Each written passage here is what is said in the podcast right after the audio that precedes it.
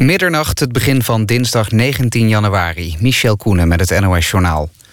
Glenn Frey, een van de oprichters van de band Eagles, is overleden. Frey schreef samen met Don Henley de grootste hits van de band... zoals Hotel California en Live in the Fast Lane. Na het uiteenvallen van de Eagles scoorde hij in Nederland in 1985... solo een hit met het nummer The Heat Is On. Glenn Frey was 67, hij was al geruime tijd ziek. In Hees bij Os is een demonstratie tegen de komst van een asielzoekerscentrum onrustig verlopen.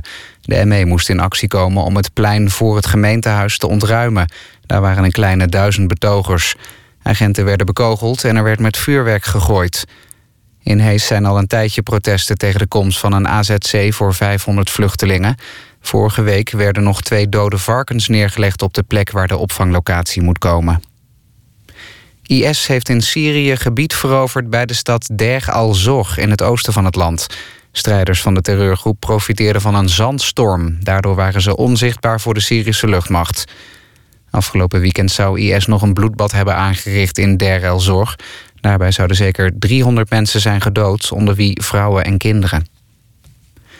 De Franse schrijver Michel Tournier is overleden. Hij wordt gezien als een van de grote Franse schrijvers van na de Tweede Wereldoorlog. Hij brak in 1970 internationaal door met de roman De Elze Koning... over een reis door Oost-Pruisen tijdens de Tweede Wereldoorlog.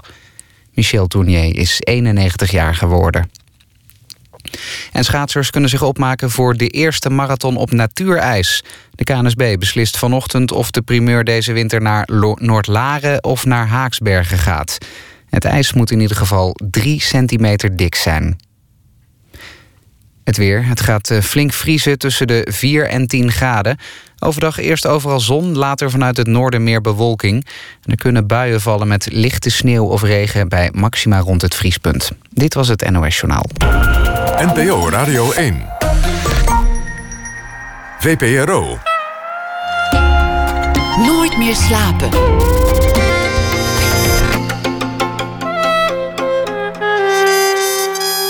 Met Pieter van der Wielen. Goedenacht en welkom bij Nooit meer slapen. Straks na één uur een gesprek met Maurits de Bruin. Hij is schrijver en heeft een nieuwe roman, De Achterkant van de Zon. Hij is de gast in de rubriek Open Kaart. Assisa Einland schrijft deze week elke nacht een verhaal over de voorbije dag. En Huub van der Lubbe hoort u over zijn bewondering voor Harry Musquet van QB and the Blizzards. Want over laatste is een tentoonstelling gemaakt. Maar we beginnen met Boris Dietrich. Hij heeft een nieuwe thriller geschreven. Wolf is daarvan de titel, of beter W-O-L-F. Het is in afkortingen gaat over een mysterieuze organisatie in Berlijn die uh, de politie voor vraagtekens plaatst. Het begint met een onthoofding en dan is er die uh, organisatie die hatelijke pamfletten verspreidt tegen minderheden, Turken, Joden en anderen. Boris Dietrich woont zelf in Berlijn. Voorheen woonde hij in New York en uh, dat is net als een van de hoofdpersonen in zijn boek. Hij is geboren in 1955. Hij was eerst advocaat, later rechter, daarna Tweede Kamerlid, was fractieleider van D66. In 2006 besloot hij de politiek achter zich te laten en sindsdien werkt hij voor Human Rights Watch, waar hij zich inzet voor de rechten van homoseksuelen en transgenders, waar ook ter wereld. En hij schrijft dus ook sinds een aantal jaren thrillers, waar dit er uh, een van is. Boris Dietrich, hartelijk welkom. Ja, leuk. Het klopt allemaal wat je zegt. Mooi. Je bent, uh, je bent even in het land uh, om een minder vrolijke reden, omdat in december je vader is overleden, Stenek Dietrich. Een vluchteling was dat. Iemand die uit Tsjechië hierheen is gekomen uh, in, de, in de laatste jaren, of kort na de Tweede Wereldoorlog, kwam hij hierheen. Wat, wat, was dat voor man en, en wat heeft hij jou eigenlijk meegegeven?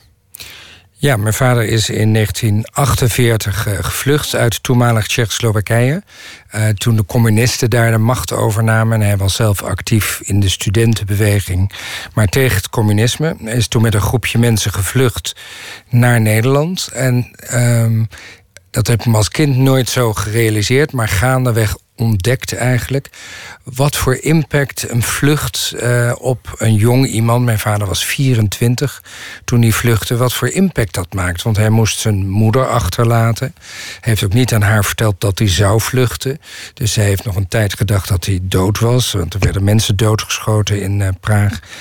Um, hij is naar Nederland gekomen en ja, heeft daar zijn studie afgemaakt. Is uiteindelijk hoogleraar geworden. Um, maar als mens heeft hij toch altijd met laten we zeggen, één been toch nog wel in Tsjechoslowakije gestaan. Hij voelde zich op het laatst meer Nederlander dan Tsjech. Maar toch, uh, je neemt toch je jeugd mee en die blijft bij je en in je. En ik kan me herinneren, als je dan zo vraagt, zo, wat, wat voor iemand was het, dat uh, toen ik jong was, als ik dan s'nachts wel eens wakker werd, stond hij vaak voor het raam een sigaret te roken. En dan vroeg ik wel eens: God, pap, waar denk je aan? En dan zei hij altijd: over vroeger. Maar hij wou daar nooit echt ja, op ingaan. En als kind ja, accepteer je dat gewoon en verder nooit zo over nagedacht. Maar later denk je dan, goh, die is natuurlijk toch over zijn jeugd aan het denken en wat hij heeft achtergelaten en heeft moeten achterlaten. Nou, en in de opvoeding heeft die vlucht ook wel degelijk een rol gespeeld. Omdat met name in de, in de tijd dat wij jong waren, mijn zus en ik, uh, was het echt die tijd van het ijzeren gordijn en nou, censuur, brieven sturen naar je oma, naar onze oma, dat was heel moeilijk. werd gecensureerd. Uh, het was in de tijd dat je kon opbellen, maar dan moest je op een wachtlijst staan. En mijn oma is uiteindelijk maar twee keer een hele korte tijd naar Nederland geweest, voor een week geloof ik. En nadat ze jaren op een wachtlijst had gestaan. En uh, ja, dan komt er opeens zo'n vrouw die alleen Tsjechisch spreekt of Duits. En dat spraken wij niet thuis. Um, dus ja, dat was heel vreemd voor ons als, als kinderen. Dus het heeft de, een politieke beslissing. In dit geval, we trekken het ijzeren gordijn op en we halen families uit elkaar die elkaar niet mogen zien. Dat heeft heel veel indruk op ons gezinsleven gemaakt. Dus dat is ook weer de reden waarom ik uiteindelijk heel veel uh, ben gaan werken in, in beroepen die strijden tegen onrechtvaardigheid. Het is een heel willekeurige beslissing. Het, waren de drie grootmachten die, die uiteindelijk aan het eind van de Tweede Wereldoorlog samenkwamen. De foto's die, die, die kan menigeen zich wel herinneren. Churchill, Stalin, uh, Roosevelt, die dan klikten met balpennen of strepen zetten op kaarten. En één zo'n streep bepaalt dan dat jij je hele leven zult slijten in een merkwaardig systeem. Wat dat communisme achteraf was. De DDR was een merkwaardig land. En Tsjechië is, is als land ook tijdelijk buiten de geschiedenis geplaatst. Of buiten de vooruitgang. Jouw vader kwam hierheen als, als jongeman. Ik heb hem ooit geïnterviewd. Eind jaren negentig. Hoogleraar geschiedenis met een ijzeren geheugen als het ging om alles wat met geschiedenis, met, met politiek, met oorlogen te maken had. En de actualiteit. Dat volgde die ook enorm. Klopt. Ja, mijn vader had um, een fotografisch geheugen voor jaartallen en voor um, gebeurtenissen in de geschiedenis. Dus als ik wel eens thuis kwam en ik vertelde iets, dan zei hij: Nou, dat doet me denken aan 1573, uh, 24 juni, want toen. En dan kwam er een heel verhaal. Echt heel bijzonder. Uh, en dat heeft hij eigenlijk, mijn vader is 92 geworden, tot, ik zou zeggen, dus tot zijn negentigste gehad. En daarna ging zijn geheugen erg achteruit. Maar um, ja, dat was echt heel bijzonder aan hem dat hij dat fotografische geheugen had. En ik denk ook door die vlucht. Kijk, hij had, um, dat moet ik er nog bij vertellen, hij was student uh, in Praag. En um, nou, in 1945 had Hitler zelfmoord gepleegd. En mijn vader was in 46 weer gaan studeren die studie weer opgepakt, geschiedenis en wijsbegeerte. En hij heeft toen een uh, dissertatie geschreven over Hitlers weg naar de macht. En dat was dus in, laten we zeggen, 46, 47 dat hij dat schreef. Want begin 48 is hij gevlucht.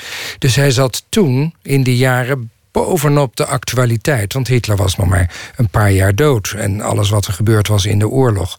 En dat die interesse in actuele politiek en de samenleving heeft hij ook in Nederland uh, gehad. Dus hij volgde de Nederlandse politiek ook heel erg. En was erg geïnteresseerd in ja, wat er zo al gebeurde. Het bewustzijn uh, dat politiek belangrijk was, was bij hem al jong erin geramd. Maar ook ambitie. Heb je dat van hem ook meegekregen? Een, een, enorme ambitie om, om, om jezelf omhoog te werken in de samenleving, om ertoe te doen, om de beste te willen zijn. Ja, ik denk dat dat overigens iets Tsjechisch is. Ik heb het ook wel eens van uh, Richard Krajcek gehoord met zijn vader, Eva Jinek met haar ouders. Um, bij mij gold dat ook. Um, mijn moeder is overigens Nederlands, maar mijn vader die had iets van: uh, ik ben gevlucht, ik heb mijn leven achtergelaten en ik ben opnieuw begonnen. En uh, het is heel belangrijk om te slagen in de samenleving. Mijn vader was daar heel gedreven in. Dus mijn moeder, die Nederlands is, die wilde graag dat wij tweetalig zouden worden opgevoed. Dus dat mijn vader ook Tsjechisch met mijn zus en mij zou praten. En dat weigerde hij, want dan zei hij altijd: nee, uh, ik heb voor dit land gekozen, voor Nederland. Mijn kinderen moeten Nederlands worden. En ze moeten hier aarden en wortelen en integreren. En als ik Tsjechisch met ze spreek, dan gaan ze op twee uh, gedachten hinken en in twee werelden terechtkomen. Dat is niet goed. En, maar dat was ook een, een hele erge gedrevenheid eigenlijk. Ook met huiswerk maken. We moesten altijd ons huiswerk maken. We moesten investeren in onszelf. Het beste uit ons naar boven halen. We moesten uitblinken en goed, uh, nou ja, goed uh, je huiswerk doen. Ik weet nog dat mijn zus en ik allebei zijn blijven zitten toen we op het gymnasium zaten. Allebei in dezelfde klas. Mijn zus zat in de vijfde, ik in de vierde. Uh, nou, dat was echt een zwarte dag bij ons thuis. En mijn vader die zei dan ook: Dit moet ik nu aan de familie gaan schrijven in Tsjechoslowakije. En nou ja, dat was echt een, een sombere tijd. En ja, dat heeft mij. Uh, dus je hebt ook wel met hem gevochten? Ja, ik heb natuurlijk ook heel erg verzet, zeker in mijn puberteit. Maar als ik nu uh, ja, terugkijk, denk ik toch dat ik... Ja, er is toch heel veel van die opvoeding en die houding... van haal het beste uit jezelf, doe je best... en laat geen tijd uh, uh, ja, verdoen. ja, dat heb ik mezelf toch eigen gemaakt. Dus ik ben ook vrij streng voor mezelf. En dat is eigenlijk de, de norm die mijn vader mij oplegde. Die leg ik nu aan mezelf op. Je wilde ooit kunstenaar worden. Je had ook andere creatieve ambities, maar je koos toch voor het vrij degelijke rechten studeren. En dan ook nog in het vrij degelijke lijden. Had dat daar ook mee te maken dat, dat je je vader niet teleur wilde stellen? Nou, ik studeerde uh, na mijn gymnasium ben ik een jaar naar Amerika gegaan. En uh, terwijl ik in Amerika was, was het nog voor mij een beetje onduidelijk wat ik zou gaan doen. Ik wilde kunstenaar worden, ik wilde psychologie gaan studeren, eventueel rechten. En uiteindelijk heeft mijn vader toen iets gekozen voor mij. Wat ik waarschijnlijk in een brief had aangegeven. Maar goed, toen had ik mijn gedachten alweer verzet en wilde ik alweer iets anders. Maar goed, dus ik kwam in Nederland terug en toen is het rechten geworden. Hij had ingeschreven? Hij heeft me, ja, want ik zat in Amerika en hij heeft me voor de universiteit ingeschreven. En ja, ik vond die studie hartstikke leuk. Dus dat was, dat was het probleem niet. Maar ik dacht altijd, ook tijdens de studie heb ik schilderlessen gehad en ik schilderde en ik schreef gedichten en uh, dat soort dingen. En toen ik klaar was en naar Amsterdam verhuisde toen had ik altijd nog de gedachte... ik kan nog steeds kunstenaar worden. Nou heb ik een studie gehad, maar ik kan nog wel de, de culturele kant op. Ja, en zoals het dan vaak in een leven gaat... door ja, beslissingen van anderen word je een bepaalde weg opgestuurd. Ik uh, wilde heel graag naar de Rijksacademie in Amsterdam. Ik had dus heel veel schilderijen, tekeningen. Nou, op een gegeven moment heb ik daar uh, me aangemeld. En uh, nou, toen zeiden ze van kom maar met je beste werk en laat dat zien. Drie hoogleraren zullen dat dan gaan beoordelen. Nou, ik kwam daar met mijn beste werk en van de drie hoogleraren was er eentje niet opkomen dagen. Bleven er twee over en de eentje zei, kijkend op zijn ja, ik moet nu weg. En die ging gewoon weg, dus ze hebben niet eens naar mijn werk gekeken. Bleef er één over en die, ik had mijn werk zo uitgestald op de grond in de, in de hal van de Rijksacademie. En die liep er zo langs en die schudde zijn hoofd en die zei uh, iets zo van, nou ja, dat is veel te realistisch. En uh, zo werken wij hier niet. En nou ja, ik kon gaan, ik kon het inpakken en uh, dat was het. En dat heeft me een knauw gegeven. Ik, ik, ja, ik vond echt heel vreselijk. Want ik had mezelf al als kunstenaar gedroomd. En toen dacht ik ook van, nou ja, als dat niet gewaardeerd wordt, weet je wat... Uh, dan blijf ik gewoon die rechterkant volgen. Ik was toen uh, net advocaat geworden, dus ik ben advocaat gebleven. En ja, dat met heel veel plezier gedaan. En die kunstkant eigenlijk geparkeerd. Tot op heden, of tot, tot een jaar of vijf geleden. Want, want zou je jezelf nu schrijver noemen? Eén boek, dan kan je nog zeggen... nou ja, ik heb een boek geschreven, een, een thriller. Maar je Ja, tweede dit boek en dan dit is mijn vijfde derde. boek overigens. Ja, maar twee- twee fictie, non-fictie. eh, twee non-fictie. En dit is mijn derde fictieboek. Nou, schrijver noemen. Ja, al- als ik het woord schrijver hoor, dan denk ik aan iemand die de hele dag thuis boeken zit te schrijven. En ja, en ik heb een hele drukke internationale baan. Dus ik doe dit in vakanties, in weekenden, eh, noem maar op. Ehm, ja, ik vind het wel leuk als andere mensen mij een schrijver noemen, maar ik moet daar zelf nog even bij slikken. Toch de creatieve kant wel opgezocht eh, Ja. uiteindelijk. Dat, dat kan je wel zeggen. Ja, nou dat, en die behoefte heb ik ook heel erg duidelijk. Heeft ook met mijn werk te maken als, ehm, ja, dat heet dan Advocacy Director van eh, Human Rights Watch. Ik reis de hele wereld rond en met name ga ik naar landen waar eh, homo's, lesbo's, transgender mensen ernstig gediscrimineerd worden, soms gemarteld, in gevangenissen terechtkomen. Maak vreselijke dingen mee en met name die mensen daar maken vreselijke dingen mee. Dat grijpt je heel erg aan. En mijn uitlaatklep, om dat als het ware van me af te kunnen schudden, al die ellende, is om een eigen fictieve wereld te creëren. En dat doe ik dan door een- plot te bedenken voor een thriller, zoals Wolf is. En daar kan ik dan echt jaren aan werken en me terugtrekken in die wereld. En daar ben ik heer en meester. En ik laat mensen doodgaan en ik laat ze verliefd worden. En eh, ze beleven spannende avonturen. En dat is allemaal in een wereld die ik zelf gecreëerd heb. En als ik daar dan weer uitkom, omdat ik dan weer moet werken of wat dan ook, dan heb ik toch een soort reis gemaakt in mezelf.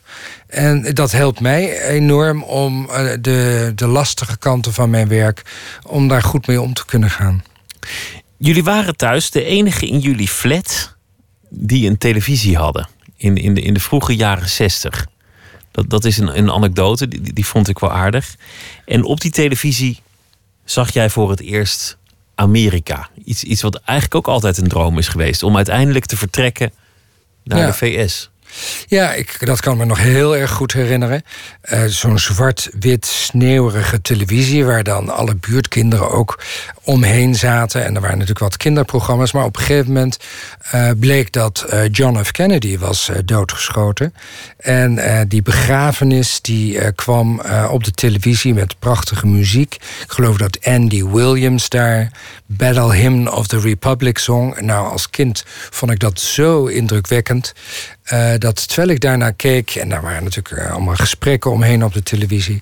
dacht ik, ik wil naar Amerika. En eh, het is zo onrechtvaardig dat deze goede man, deze president, is doodgeschoten. Ik wil president van Amerika worden. Ja, ik was natuurlijk al heel jong. Maar ehm, de interesse in Amerika is daar echt ontstaan. Opeens was ik zo gefascineerd. Hoe kan het nou dat een president die, wat dacht ik toen, door iedereen geliefd was, wordt doodgeschoten. En hoe kan dat nou? En nou ja, ik was daardoor zo gefascineerd dat ik eigenlijk altijd Amerika ben blijven volgen. En dat is ook de reden geweest dat toen ik mijn gymnasium af had en een lastige tiener was, eh, wilde ik eigenlijk helemaal niet studeren. Ik wilde eigenlijk de wijde wereld in. En mijn ouders wilden wel dat ik ging studeren. Nou, na, eh, het compromis was dat ik dan in Amerika ging studeren. En zo ben ik naar Amerika getrokken toen ik 18 was. En later, eh, na je Tweede Kamerlidmaatschap, alsnog kwam die kans om, om in New York te gaan werken.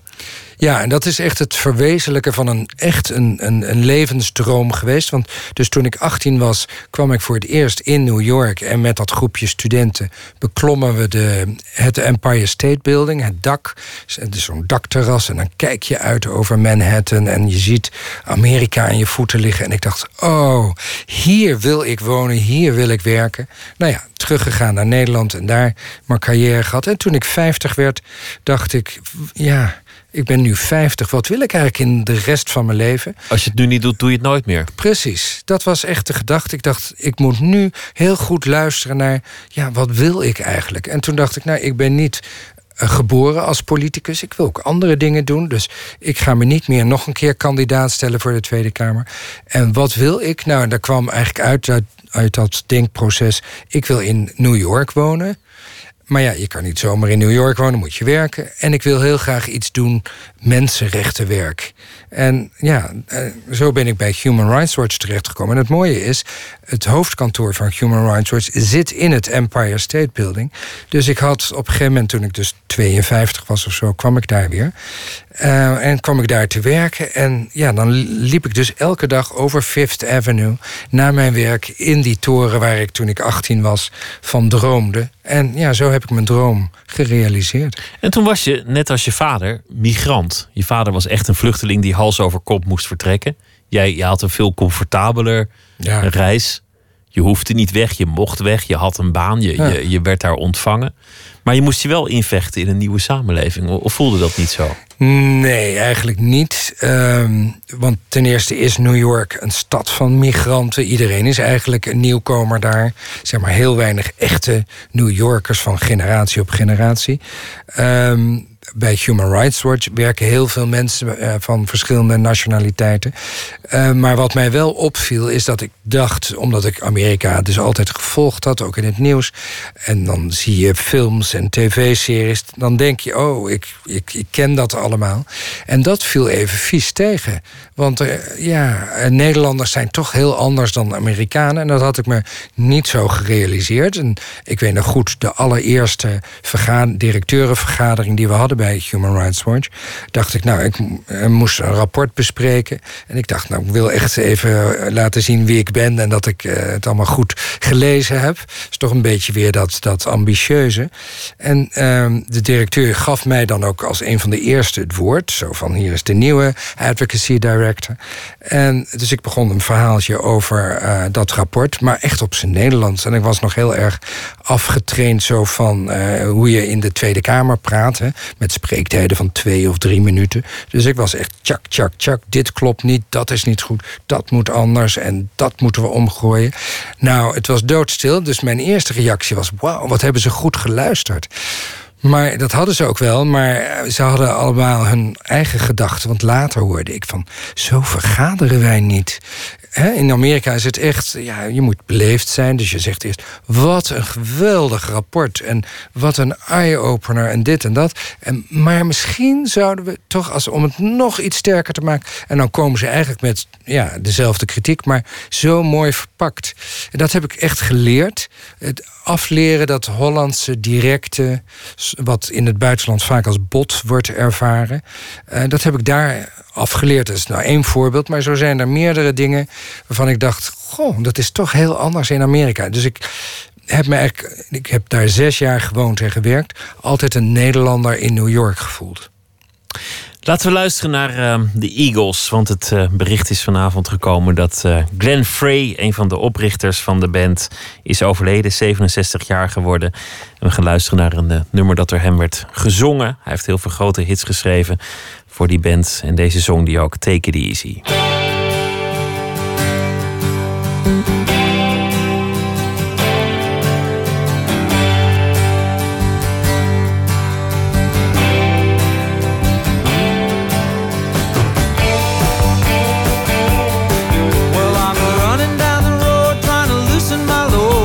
seven women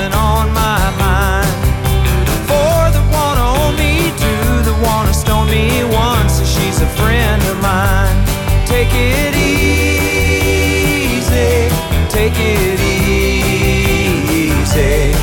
Don't let the sound of your own wheels drive you crazy. Lighten up while you still can. Don't even try to understand. Just find a place to make your stand and take it easy.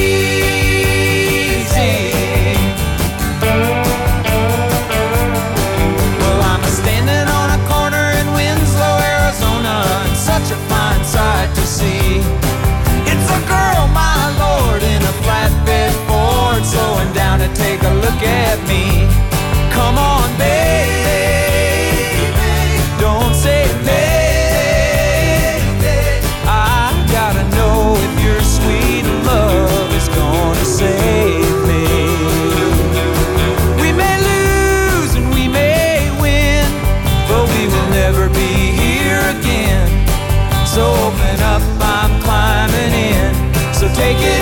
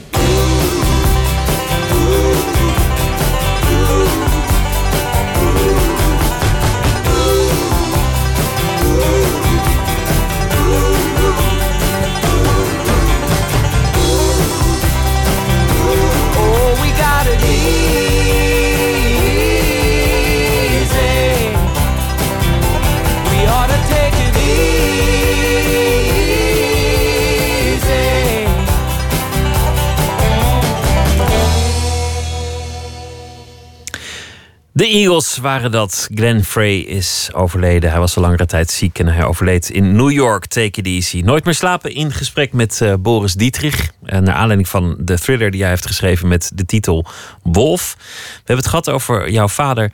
Hoe reageerde je vader eigenlijk toen je voor het eerst vertelde dat je homo was? Oh, dat was een drama. Dat was echt eh, heel erg.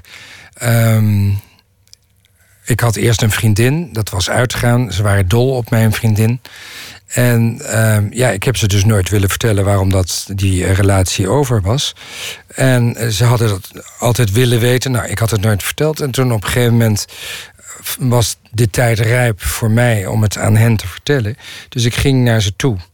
En ik weet dat nog heel goed. Ehm, mijn moeder begon met een kussentje te spelen, begon te huilen. En mijn vader stond op, stak een sigaret op en schudde zijn hoofd. En ja, het was allemaal heel zwaar en dramatisch. Beetje Tsjechisch misschien ook. En hij zei toen: Wij zijn als bomen waar de takken van afgerukt worden. Nooit zullen wij nog eh, kleinkinderen krijgen. En ehm, jongen, ga nu maar. Want je moeder en ik zullen lange, zware nachten tegemoet gaan. En nou ja, zo ben ik eigenlijk weggestuurd. En het beeld wat ik echt nooit zal vergeten is... toen liep ik naar mijn auto, ik had toen een auto... en keek om. En normaal gesproken stonden mijn ouders altijd achter het raam te zwaaien. En nu zag ik mijn vader de gordijnen dicht doen... terwijl het nog overdag was... En ja, zo laat je je ouders dan achter, vond ik vreselijk. Van de andere kant had ik ook zoiets van... ja, jullie zeggen dat je van me houdt... maar dan moet je ook houden van de zoon uh, ja, wie ik ben... en niet een beeld van uh, wie ik ben. En uh, de kracht van mijn ouders zat erin... dat ze toch na een paar dagen opbelden en zeiden... wilden nog eens praten. En, nou ja, en zo is dat contact weer hersteld. En, uh, en eigenlijk heel erg goed geworden in de loop der jaren. Maar het was wel even een, een, een dieptepunt. Ja. Je bent toch geworden wat, wat je vader wilde, namelijk exact in datgene wat hem interesseerde. De politiek blonk je uit. Je hebt het gemaakt in dat land waar hij naartoe is getrokken. Hij wilde dat je Nederlander werd. Je werd een Nederlander, vertegenwoordigd van, van nog eens 40.000 Nederlanders in de Kamer. Heeft hij dat ooit verteld? Dat hij trots was? Uh, ik hoorde dat wel eens van mijn moeder of van andere mensen.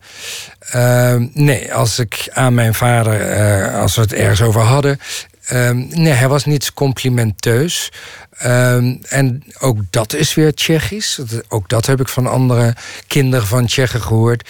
Is dat als je dan heel positief bent of zegt: wat doe je dat fantastisch? Of wat ben ik trots op je? Of ik hou van je, of dat soort dingen. Dan um, verzoek je de goden. Dan roep je het ongeluk over je af. Um, dus het, nee, dat was karig. Karig in, in de complimenteuze sfeer. Maar hij liet wel door andere dingen blijken dat hij uh, van me hield of me heel erg waardeerde. En bij hem was het dan uh, vaak door uh, gerechten te maken. Mijn vader kookte altijd. En, en nou, hij wist wat mijn lievelingsgerechten waren. Tsjechische gerechten, bijvoorbeeld gans met zuurkool. Nou, had ik ooit eens, toen ik met hem in Praag was, vond ik dat zo lekker. Sindsdien moest ik altijd gans met zuurkool eten als ik thuis kwam bij mijn ouders. Maar dat was natuurlijk heel goed bedoeld. En dat, daar, ja, daar deed hij dan erg zijn best voor. Hij vond het ook fantastisch inderdaad dat ik in de politiek zat. Dus ik heb hem regelmatig op Prinsjesdag... dan mag je als Kamerlid een gast meenemen. Heb ik toch wel een keer of vijf, geloof ik, mijn vader meegenomen. Nou, dat vond hij prachtig om daar in de ridderzaal te zitten... en naar toen koningin Beatrix... En ook, ook met je echtgenoot? Was dat, was dat helemaal aanvaard? Kon je vriend meenemen? Ja, in het begin, eh, nou ja, de eerste keren dat ze hem ontmoetten was heel spannend. Maar ja, in de loop. Kijk, ik ben nu al 34 jaar samen met mijn partner, met mijn man. Ehm, ja, en dat is een tweede zoon eh, voor mijn ouders geworden. Maar in het begin was dat toch wel aftasten, eh, aan beide kanten trouwens. Maar dat, eh, ja, dat is heel goed gegaan. Je hebt twaalf en een half jaar in Nederland in de Tweede Kamer gezeten. Een on- ontzettend lange periode. Als je terug gaat lezen naar wat er toen allemaal speelde, zijn het kwesties waar, waar iedereen zich reusachtig druk over maakte, die we al lang weer vergeten zijn. Debatten waar mensen voor opbleven, waarvan je nu misschien denkt: oh ja, dat, dat was toen zo belangrijk. Ook de tijd van Balkenende 1, Balkenende 2, Balkenende 3. Ga zo nog maar een tijdje door. Waar ben je nou echt trots op achteraf? Ehm, Wat is nou je verdienste geweest? Ja, ik, ik ben eigenlijk, kijk wel met heel veel tevredenheid terug. Ik heb onder andere vier wetten geschreven. Initiatiefwet heet dat. En dat zijn juist onderwerpen nou, die je als Kamerlid belangrijk vindt. Omdat je dat hoort van eh, de mensen die je spreekt, het volk wat je vertegenwoordigt. Maar en dan stel je dat voor in de Kamer en dan zegt de regering: nee, dat, dat vinden wij niet of dat willen wij niet. Ja, dan sta je voor de keus: nou, doe het dan zelf. Hè, want normaal is het de regering die met een wet komt, maar dan moet je dat zelf gaan schrijven. En zo heb ik een aantal wetten geschreven die nu werken, goed werken ook. Bijvoorbeeld spreekrecht voor slachtoffers in de rechtszaal. Dat kon vroeger niet. Mensen die het slachtoffer waren van een misdrijf konden helemaal niet in de rechtszaal spreken. En nu, we zagen het eh, vandaag nog op het nieuws of de Utrechtse serieverkrachter en vrouwen die door hem waren verkracht, die dan een verklaring of zelf ehm, voordragen of dat laten voorlezen. Dus dat vind ik heel belangrijk. En verder ehm, heb ik een eh, wetsvoorstel tegen stalking eh, geschreven, dat ook heel goed werkt. Nou ja, de vaste boekenprijs.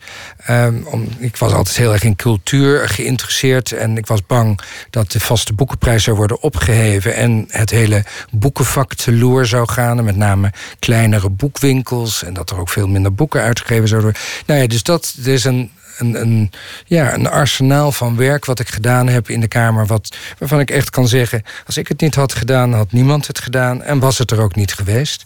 Dus daar ben ik heel eh, trots op. En het homohuwelijk. Je bent zelf getrouwd. Dat is. Dat vergeet ik bijna te zeggen, zeg. Nou ja, dat, ik, ik zou zeggen dat Ja. dat eigenlijk. Want Nederland had de primeur. Dat, dat zijn Ja. we vergeten. Maar Nederland was het eerste land ter wereld waar eh, ge- gelijkgeslachtelijke partners zich in de echt konden verenigen. Er waren een aantal mensen die zich daar heel hard voor hadden gemaakt. Waar, waarvan jij er eigenlijk één was.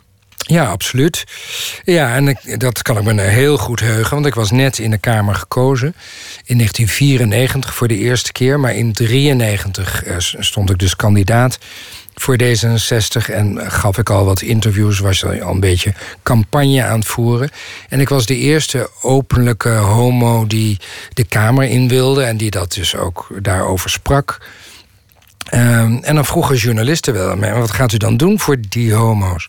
En toen, eh, nou ja, daar heb ik natuurlijk over gesproken met wat mensen. En toen dacht ik: ja, laat ik nou eens rijken naar het, hetgeen wat het verst weg ligt, maar wat echt een, een, een, een uitzicht biedt op. Nou, daar willen we uiteindelijk uitkomen in de toekomst ooit. En dat is de openstelling van het huwelijk, zodat iedereen gelijk eh, behandeld wordt in het huwelijksrecht. En dat je kan trouwen met de partner van wie je houdt, ongeacht geslacht. Nou, dat heb ik voorgesteld in 1994 al in de Kamer. En eh, ja, dat werd helemaal niet gesteund. Ook niet door het COC. Ik weet nog dat ik een. Die waren tegen het huwelijk. Ja, die waren tegen Gewoon het- helemaal afschaffen. Ja, dus ik kreeg een boze brief van het bestuur van het COC. Die wilde komen praten. Nou, heb ik ze uitgenodigd in de Tweede Kamer. En eh, ja, maar een beetje bozige mannen die mij toespraken. En die zeiden: het huwelijk is een ouderwets instituut. En dat blaas jij nieuw leven in. Hebben we eindelijk een openlijk homo in de Kamer? Gaat u het huwelijk willen. En het woord huwelijk, dan keken ze er ook zo vies bij. En dan zei ik steeds: ja, maar het gaat om keuzevrijheid. Als jij niet wilt trouwen met je partner, moet je het vooral niet doen. Maar je moet niet andere mensen uh, die keuzemogelijkheid ontnemen. Nou ja, dat is een hele discussie geweest natuurlijk. Heeft een tijd geduurd. Het COC is uiteindelijk met een ander bestuur omgegaan. En die zijn dat toen gaan steunen.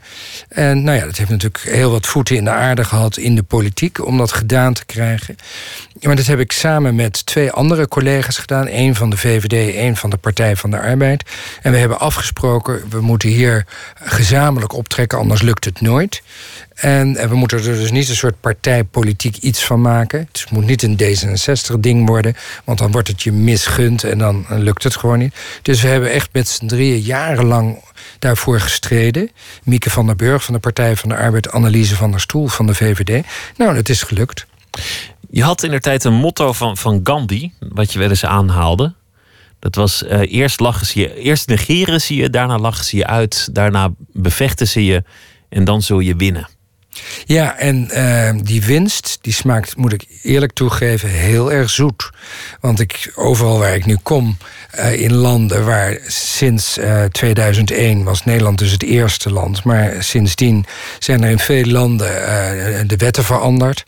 En uh, ja, dan moet ik toch wel terugdenken aan die tijd dat in het begin echt niemand het steunde. En langzaamaan steeds meer mensen. En dan denk ik, goh, nu hoor ik ook wel eens uh, politici uh, heel um, ja, enthousiast en energiek de openstelling van het huwelijk als een van de verworvenheden van de Nederlandse samenleving propageren. En dan denk ik, ha, maar toen ik het voorstelde was je erop tegen. En je hebt zelfs tegengestemd in de Tweede Kamer. En nu, zoveel jaar later, ja, ben je daar heel erg trots op. Nou, dat mag, dat vind ik ook leuk, maar dat vergeet ik niet toch ging je weg na een periode die in ieder geval voor je partij niet zo, niet zo leuk was. 2006 zal denk ik het dieptepunt van D66 zijn. D66 heeft veel dieptepunten gehad. Ook veel hoogtepunten, maar dat hoort bij de partij. 2006, toen waren er peilingen dat ze misschien nog maar twee zetels hadden. Mensen, mensen die hadden het al over het opheffen van de partij. Ja. Het moest maar een onderafdeling van de VVD worden. En wat daar een grote rol in speelde, was één debat dat eigenlijk jouw carrière, jouw politieke carrière meteen ook enorm deukte en, en schade toebracht. Het ging over Oeruzgan. Ja, ja, dat zal ik ook nooit vergeten. Dat, hè, het Afghanistan eigenlijk meer. Um, ja, dat klopt. Ja, dat je was, werd zelfs, uh, je werd zelfs uitgelachen door, door de oppositie. Ja. Jan Marijnissen onder andere. Jan die... Marijnissen en Femke Halsema. Ja, overigens is dat niet zo uitzonderlijk... want er wordt wel, wordt wel vaker, vaker gelachen, in, gehoond en zo in de Kamer. Maar dit was natuurlijk een heel belangrijk debat... omdat uh, ik was fractievoorzitter. Wij zaten in uh, de regering, Balken en de twee, samen met VVD en CDA. En dat was al een vrij ingewikkelde kwestie voor D66. Was het voor het eerst dat we in zo'n combinatie uh, dingen voor elkaar trachten te bereiken. En ja, ik was heel erg tegen het naar Afghanistan gaan. Uh, want ik voorzag dat dat een vechtmissie zou worden en niet een soort ontwikkelingsmissie. En zo werd het wel uh, in haar tijd gebracht. Dus ik vond dat de informatie van de regering waar wij zelf deel van uitmaakten niet correct was. Had ook natuurlijk allerlei geheime rapporten gelezen over wat er allemaal speelde daar in Afghanistan. En ik vond dat dat gewoon niet goed was. Dus wij waren daarop tegen als fractie. En ik dacht, ja, dat moet ik dan ook luid en duidelijk laten weten, zodat dat niet als een verrassing komt. Dat als het tot een stemming komt, dat wij tegen zullen zijn. Maar het moeilijke was, jullie zaten in de D66 zat in de regering, ja. in de Kamer tegen een militaire missie, ja. in de regering voor nou, de militaire missie? Eh, dat was ook niet helemaal duidelijk. In het begin waren, dat was Alexander Pechtold en um, Laurent Jan Brinkhorst, twee ministers uh, van ons. En die waren eigenlijk ook tegen. Maar uh, ja, die wilden ook wel weer graag in de regering blijven. Nou ja, ik als fractievoorzitter, ik zei nee, wij gaan echt tegenstemmen. Dus dat was binnen de partij een, een, een spanning. En dat, en dat was ook allemaal openlijk in de krant ja, te ik lezen? Vond hoe dat de... we daar ook uh, open over moesten zijn. Te meer daar de Partij van de Arbeid al had laten weten... wij zullen voor die missie zijn. Dus ik wist hoe dan ook, als het tot een stemming komt in de Kamer... gaan wij dat verliezen als D66-fractie. Want de meerderheid van de Kamer steunt de regering... en wil naar Afghanistan. Nou ja, en, en zo liep het ook. En toen dacht ik van ja, daar moet ik wel iets doen... om te laten zien dat het mij ernst is. Maar dan had ik twee dingen kunnen doen. Ehm, ik had het kabinet kunnen laten vallen. Maar dan hadden we eh, verkiezingen gehad. Terwijl eh, de jongens en meisjes naar Afghanistan werden gestuurd. Want de meerderheid van de politiek stond daarachter. En ik was als de dood dat er mensen zouden worden doodgeschoten in Afghanistan. Terwijl wij dan in Nederland in een verkiezingscampagne moesten zetten. Ja, maar jullie hadden daar helemaal niet naartoe moeten gaan Terwijl van de het, politiek. het verwijt was juist, D66 speelt politieke spelletjes over de rug van de soldaten die worden Ja, uitgezonden. d- nou dat heeft mij heel erg gestoken dat dat juist gezegd werd. Want het was juist andersom. En ehm, nou ja, dus ik vond dat er echt dat ik een daad moest stellen. En toen dacht ik, nou dan treed ik af als fractievoorzitter, want ik wil daar geen verantwoordelijkheid voor nemen. En zo ben ik toen teruggetreden als fractievoorzitter. En toen nog een, een, een dik half jaar, geloof ik, in de Kamer gezeten tot de verkiezingen kwamen. Hoe is dat voor iemand die enorm ambitieus is, altijd de beste wil zijn, die, die eigenlijk niet gemaakt is om, om te verliezen, om dan toch via de achterdeur de politiek te verlaten? Ja, moeilijk. Eh, het is waar dat ik ehm, eigenlijk een soort zondagskind ben geweest tot dat moment. Eh, De meeste dingen die ik in mijn leven aanpakte, die gingen goed. Dus het is ook voor het eerst dat ik ook mezelf leerde kennen in, tij- in tijden van tegenspoed. Eh, daar heb ik overigens heel veel van geleerd. Maar uiteindelijk heeft het me ja, weer een heleboel nieuwe dingen gebracht en vrijheid gebracht. Dus als ik per saldo, nu kan ik er natuurlijk na tien jaar, ehm, kan ik er 2006 was het, ja, dus tien jaar geleden alweer, kan ik er ook met afstand naar kijken. Maar toen vond ik het inderdaad heel moeilijk. Maar ik heb toen ook tegen mezelf gezegd van eh, mij krijgen jullie er niet onder. Dus ik, ik geloof dat ik op een vrijdag ben afgetreden. En op een maandag zat ik gewoon in de Kamer, werd ik weer justitiewoordvoerder. En ging gewoon mijn debatten doen. Goed voorbereid. En eh, ik dacht, ik heb een mandaat voor vier jaar, dat maak ik vol. En ik laat zien dat ik, ik ga niet in een hoekje zitten of zo. Ik doe mijn werk goed. Maar als Kamerlid sta je enorm in de kijker. Dit debat was live op tv, werd, Ja. werd door iedereen gezien. Eh, geen column ging er niet over. En allemaal zeiden ze: Boris Dietrich is, is een, een slechte leider, heeft geen Ja. controle over zijn partij. En dat is zo'n dossier. Dus je zult ook in, in het café of op straat zijn aangesproken bij de Oh, supermarkt. overal. Ja. Ik werd er ook overal op aangesproken. Dus het was een hele zware tijd. Want je moest dan steeds dat verhaal vertellen. En het is, je kan het niet in een soort één zin samenvatten. Ehm, kijk, dat ik dan later inhoudelijk gelijk heb gekregen. En dat ook een heleboel mensen zeggen: ja, eigenlijk hadden we die missie zo helemaal niet moeten doen. En Je bedoelt dat, dat de missie helemaal geen succes is gebleken? ja, precies. En eh, ja, ik kan niet zeggen dat is een schrale troost of zo, want eh, er is natuurlijk heel wat gebeurd. Maar eh, ja, je moet daarmee leren omgaan. Het is in het leven eh, behaal je successen en behaal je nederlagen. En het, is er maar, ja, het gaat er maar om hoe ga je daarmee om en hoe kom je uit zo'n worsteling. Nou, ik heb mijn best gedaan om daaruit te komen. Laten we het hebben over het werk wat je eh, daarna bent gaan doen en dat, dat je nog steeds doet. Eh, voorvechter van, van de rechten van, van homo's en eh, transgenders over de hele wereld. Je reist heel wat af de afgelopen tien jaar. Je zult aardig wat stempels in je, in je paspoort hebben. Je, je, bent, Ja. je eerste klus was om naar Rusland te gaan. Je eerste buitenlandse missie voor Human Rights Watch was ga eens spreken in Rusland over de rechten voor homo's. Ja, dat was, eh, ik geloof de eerste of de, nee, de tweede Gay Pride die in eh, Moskou zou worden georganiseerd. En de Russische organisaties hadden Human Rights Watch, niet mij, maar Human Rights Watch, gevraagd om te kijken wat gebeurt er als wij op straat demonstreren eh, voor eh, gelijkberechtiging. Daar kwam het eigenlijk op neer, heel simpel. Nou, ik was geloof ik nog niet eens een maand in New York. Of ik moest alweer terug, maar dan naar Moskou. En ik kwam daar. En eh, ja, toch nog een beetje naïef. Want eh, ja, het waren allemaal van die goedwillende mensen... die dan met een spandoek, eh, misschien waren het 50 eh, ehm, demonstranten... en die werden me toch belaagd door, door hele religieuze mensen... die met kruisbeelden stonden. En die sloegen er bovenop. En de politie die trok mensen niet echt uit elkaar... liet de demonstranten eerst in elkaar slaan... en haalde die dan vervolgens weg en arresteerde dus de slachtoffers. Nou ja, en ik stond daartussen en naast en, moest dat bekijken en over rapporteren. Ik ben ook nog naar een politiebureau gegaan om mensen vrij te krijgen. En later naar de rechtbank om te getuigen. Ehm, ja, dus het was meteen een, een, eh, een inkijk in hoe het in een land aan toe gaat waar homo's geen gelijke rechten hebben. Dus dat was meteen een, eh, een mooie manier om ingewerkt te raken.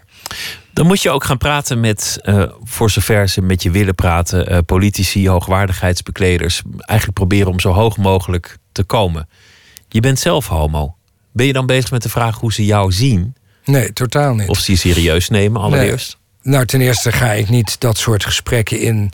En ik heb bijvoorbeeld in Oeganda bijvoorbeeld met ministers gesproken die verantwoordelijk zijn voor het oppakken uh, van mensen of voor het introduceren van wetten om uh, homo's de gevangenis in te krijgen, alleen maar omdat ze homo zijn. Uh, ik ga zo'n gesprek niet in met zeggen: Mijn naam is Boris Dietrich en ik ben homo en ik uh, wil met u een gesprek of zo. Dus ik doe dat, vind ik heel professioneel. Uh, het gaat echt over de rechten van mensen waar ik over praat. Je, je vertelt gewoon ook niet dat je, dat je homoseksueel nee, bent. Nou, kan het natuurlijk wel zo zijn dat zo'n minister een assistent voorwerk laat doen. En Google die man eens even die met ons komt praten. En dan zullen ze natuurlijk wel het een en ander vinden. Maar ik doe dat niet. Vind ik ook dat ik wil zo effectief mogelijk zijn. En als ik in een gesprek mijn eigen persoonlijke situatie naar voren ga brengen, ja, dan is dat niet bevorderlijk voor de uitkomst van zo'n gesprek. Dus uh, nee, dat doe ik in beginsel nooit. Het is ook nooit door de andere partij naar voren gebracht. Of je hebt ook nooit gemerkt dat, dat ze dachten: oh god, daar, daar, heb, je, daar heb je een nicht of, of een. Of een flikker, of hoe ze dat ook noemen in, in dat soort landen? Nou, ja, soms weten mensen dat. Bijvoorbeeld, eh, niet zo lang geleden was ik dan weer in Rusland.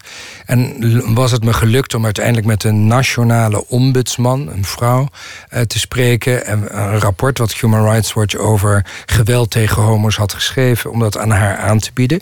was uniek, want dat is een hele hooggeplaatste uh, autoriteit. En in Rusland wil men daar eigenlijk niet over praten, de autoriteiten. En uh, ja, zij, ik weet, want ik zat aan die tafel en ik zag dat zij een dossier had met ook wat foto's van mij, krantenartikelen en dergelijke uit Amerikaanse kranten. Dus zij heeft, dat heeft ze moeten weten. Uh, dat was overigens ook een vrij zuinig gesprek. En ik weet niet of dat daar wat mee te maken heeft, of gewoon met de inhoud van het onderwerp.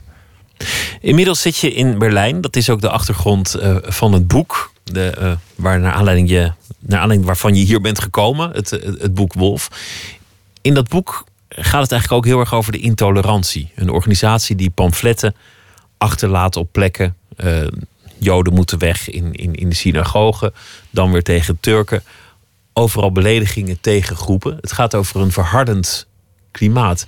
Is dat iets wat je, wat je ook in je eigen omgeving in Duitsland nu merkt? Ja, dat is ook de reden waarom ik die achtergrond gebruikt heb uh, in Wolf. Omdat ik zie hoe fel de discussies in. En dan heb ik het over Berlijn, want de rest van Duitsland ja, uh, ken ik niet zo. Ik ben echt in Berlijn. Maar ik zie demonstraties. Uh, voor asielzoekers, tegen asielzoekers. Uh, gaat er heel fel aan toe. De politie moet er vaak aan te pas komen om groepen uit elkaar te houden. Zijn ook vrij extreem, die groepen. Um, ja, en wat ik al een tijdje zie gebeuren, uh, is dat Angela Merkel. Um, een hele slimme politica, bondskanselier, maar ook leider van de rechtse partij, de grootste partij, daar in de Bundestag, dat, dat zij eigenlijk een vrij links standpunt heeft, als je het links-rechts op die schaal wil bekijken, uh, op het hele vluchtelingenvraagstuk. En het interessante is dat er dus rechts van de CDU niemand in de Bundestag, geen enkele partij is. Dus eigenlijk de hele Bundestag is voor dat beleid.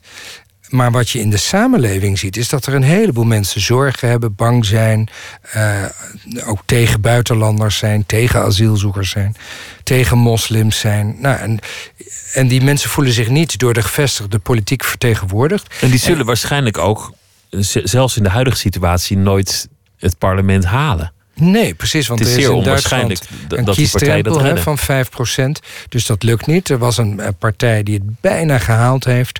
eh Alternatief voor Duitsland. Eh, die vrij rechtse partij. Maar die kregen dan weer onderling allerlei conflicten en ruzies. En de ene leider moest weg en de ander voldeed niet en zo. Maar wat je dus ziet is buiten de politiek, de gevestigde politiek, grote groepen mensen die totaal verloren in het land, zich niet weten en die zoeken hun heil bij allerlei groepjes. Dus je ziet allerlei rechtsextremistische groepen ontstaan. En er is dus echt een vrij veld voor eh, een charismatische leider die op rechts de boel gaat bundelen. Ik zie hem nog niet of haar nog niet. Maar eh, ja, er hoeft maar iets te gebeuren en dat, eh, dat kan zo uitpakken. Want- en dat is zorgelijk. In 2015 zijn er zo'n 1 miljoen vluchtelingen binnengekomen Ja. in, in Duitsland. Eh, de toch zeer plechtige New York Times schreef vorige week nog, een van de commentatoren althans. Was dat nou wel eens een goed idee? Zoveel in één keer. Een stem waar op zijn minst over gedebatteerd had kunnen worden. Ja, en eh, in Duitsland, de gevestigde partijen in de Boederstaak, die eh, uiteraard discussiëren ze daarover, maar toch worden sommige dingen niet echt uitgesproken. En ik heb heel een beetje een soort aha-erlebnis. Eh, dit is waar Nederland was voordat Pim Fortuyn de boel openbrak en er van alles in de Nederlandse politiek gebeurde. Ik heb het idee dat Keulen en wat daar gebeurd is, die massale aanrandingen, ehm, dat dat iets heeft opengebroken in het Duitsland van nu. Die geest kan niet meer terug in de fles. En nu beginnen Duitse politici te zoeken naar... ja, hoe kunnen we toch weer verbinding eh, maken met de mensen... die nu zich van de politiek afkeren... en misschien hun heil bij extreem rechts gaan zoeken.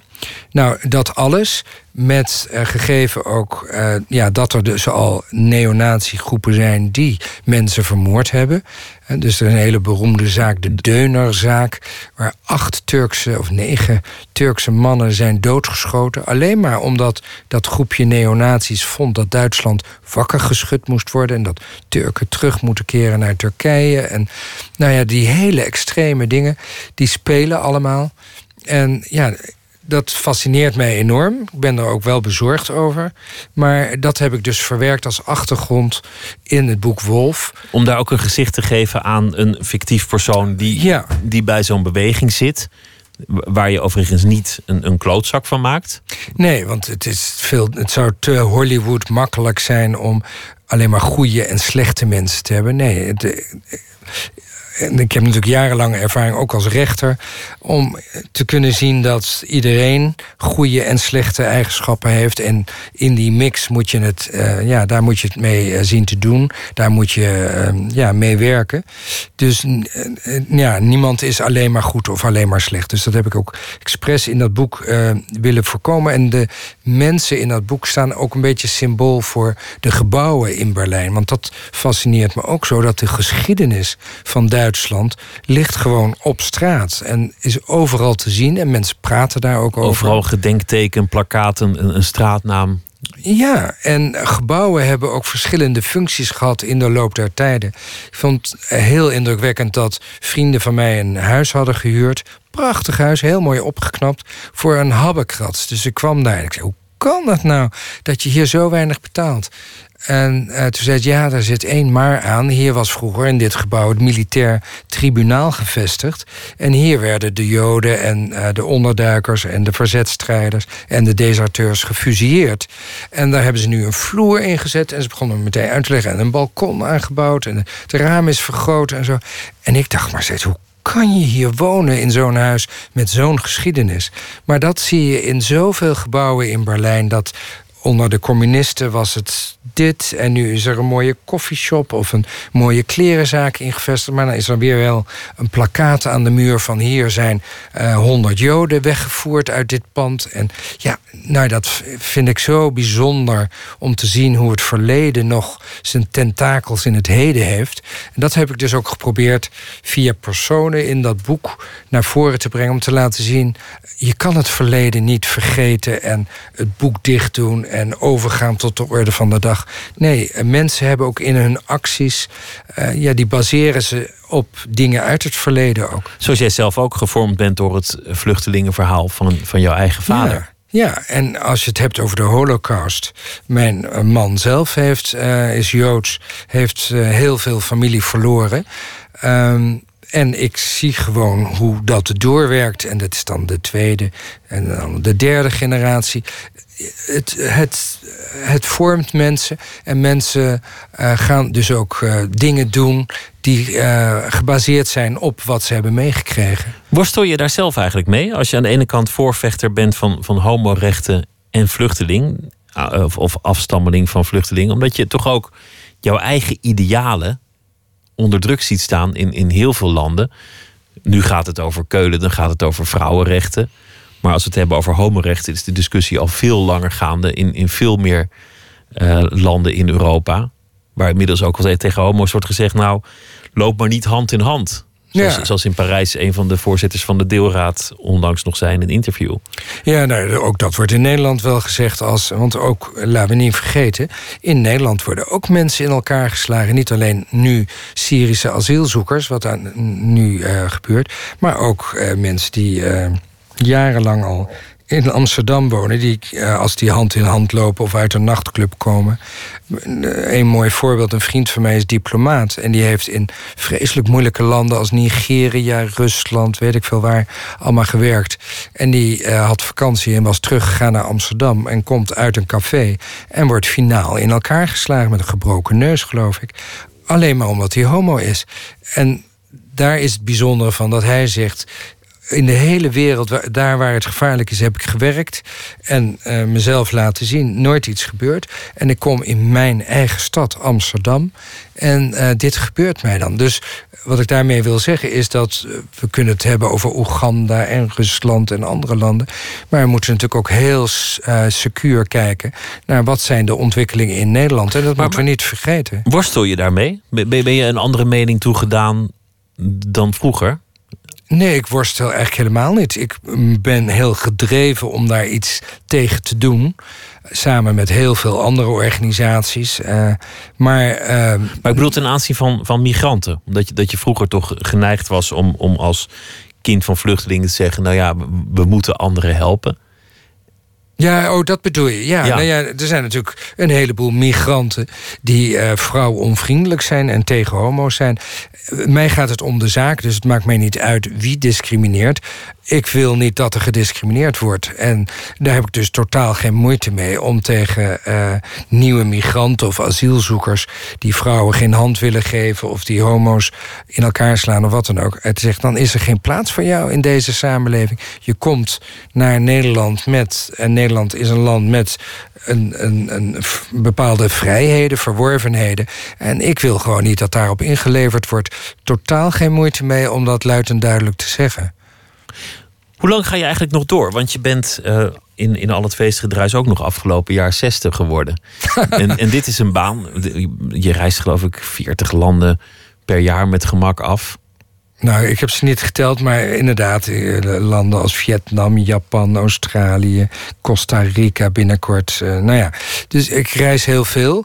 Ehm, ja, ik blijf dit werk net zo lang doen tot ik denk van nou zou het misschien beter zijn als iemand anders het gaat doen, omdat ik een soort metaalmoeheid of zo ga voelen, heb ik nog lang niet, want ja, er zijn ook successen behaald, ook door mij en door eh, Human Rights Watch en door de hele LHBT-beweging.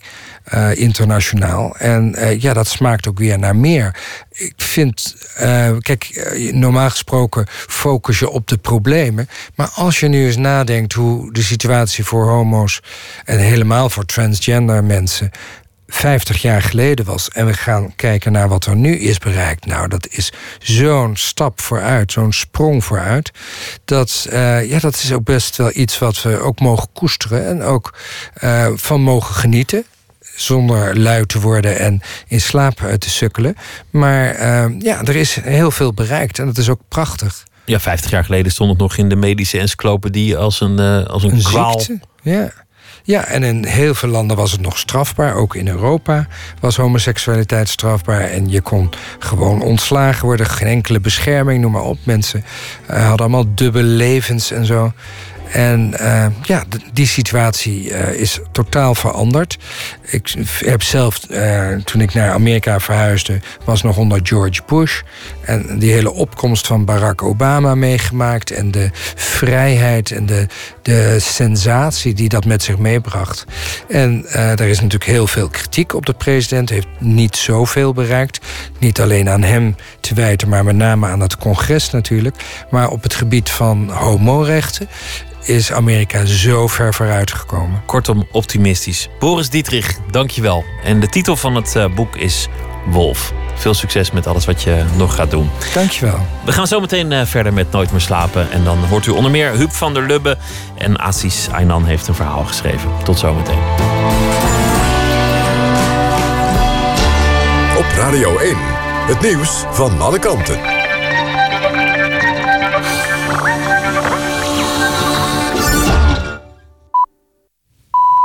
1 uur Michel Koenen met het NOS-journaal.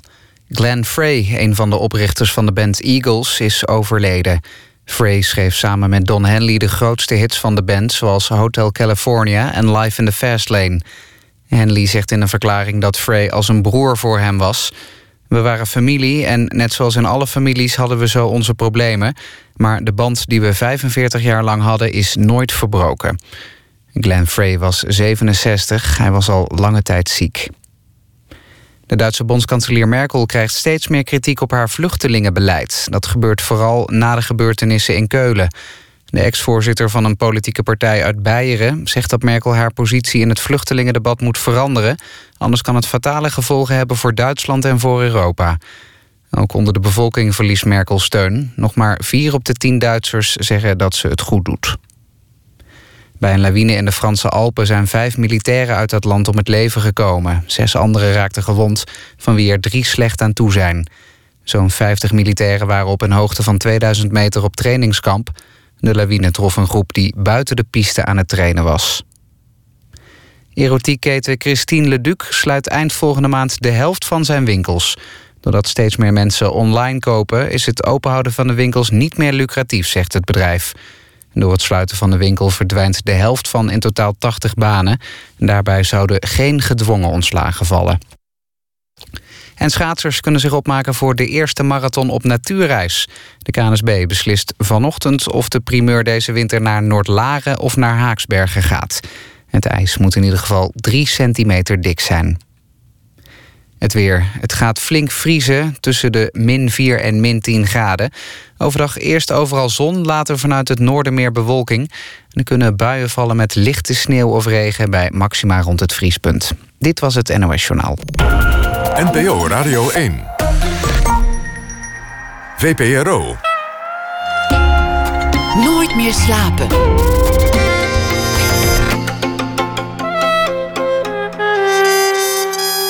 Met Pieter van der Wielen. Straks hoort u Huub van der Lubbe over Harry Musquet van de band QB and the Blizzards. Want er is in Assen een tentoonstelling ingericht over het leven en werk van de bluesmuzikant. Maurits de Bruin die, uh, komt langs. Hij heeft een nieuw boek, De Achterkant van de Zon. En hij zal wat vragen beantwoorden in de rubriek Open Kaart. Waarbij hij zelf de vragen trekt uit een bak. Assisa Hinan zal deze week elke nacht een verhaal voor ons voordragen over de voorbije dag. Hij schreef al boeken, Veldslag en andere herinneringen. Het feuilleton ik Dris en Gebed zonder eind. En hij is ook de bedenker van de Berber Bibliotheek. Een uh, reeks klassiekers uit Berberlanden wordt daarin uitgebracht. Assis, goeienacht. Goeienacht, Pieter. Fijn dat je het weer wil doen. Leuk dat je het uh, weer wil doen. Ik ben benieuwd waar je deze week mee gaat komen. Wat, uh, wat heeft je vandaag bezig gehouden? Uh, in ieder geval weinig nieuws. Ik zat de hele dag op een beleidsdag. Mijn hemel, en, waarover? Uh, ja, zal ik gewoon maar uh, beginnen? Ja, dat is goed. Het uh, verhaal heet Beleidsdag. Ik werk als docent op de Hogeschool van Amsterdam. De opleiding waar ik doseer heet SJD. Dat staat voor Sociaal-Juridische Dienstverlening. We leiden op voor wat vroeger de publieke sector werd genoemd. Momenten als teamvergaderingen en beleidsdagen zijn fraaie verworvenheden. Omdat het inspraakmomenten zijn. Buitenshuis ben ik opgevoed met het idee dat democratie het beste systeem aller systemen is. Maar als ik weer bij een vergadering zit, dan word ik overspoeld door verraad. Ik voel dat ik mijn oerkarakter ontrouw ben. De ziel die iedere dag een revolutie wil. De beleidsdag vond plaats in een nieuwe liefde aan de Amsterdamse Da Costa-kade. Toen hout op bord las ik er dat er in de Tweede Wereldoorlog zich er onderduikers schuilhielden. Bij verraad kijk je niet meer naar jezelf, maar naar anderen. Ik dacht aan Hassan, een student die ik les heb gegeven. Vorige week werd ik door zijn stem gewekt. Hij werd geïnterviewd op Radio 1. Hassans eerste spreekbeurt vijf jaar geleden ging niet over het opgegeven onderwerp, maar over Saddam Hussein's gifgasaanval op Halabja.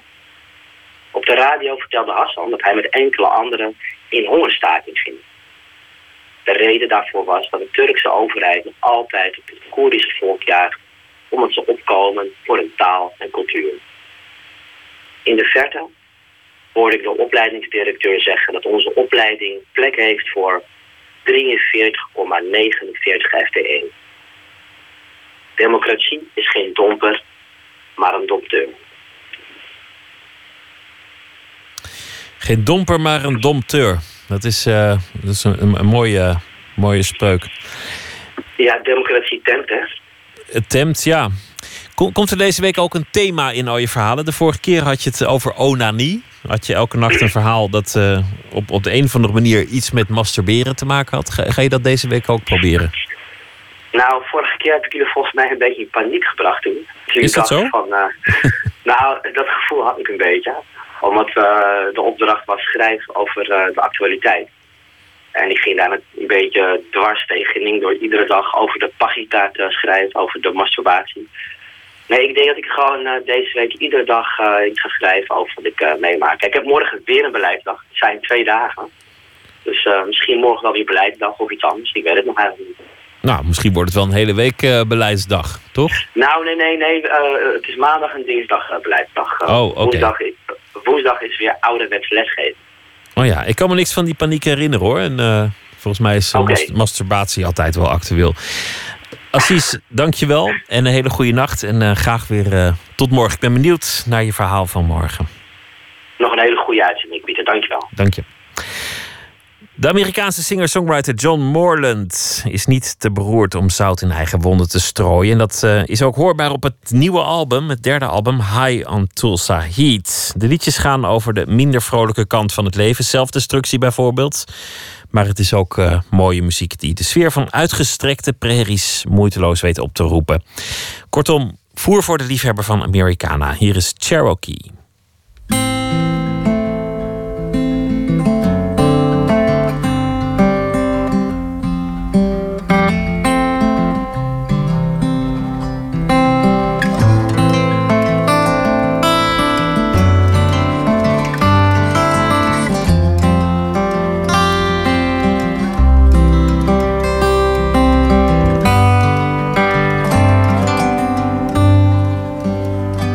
Guess I got a taste for poison. I've given up on ever being well. And I keep mining the horizon. Digging for lies I've yet to tell. And I wish you were here to softly say my name calm down all the chemicals tearing through my brain. I don't think I've missed you this much since I was 17. I'd call you in the morning, but I think this is a dream. Cherokee.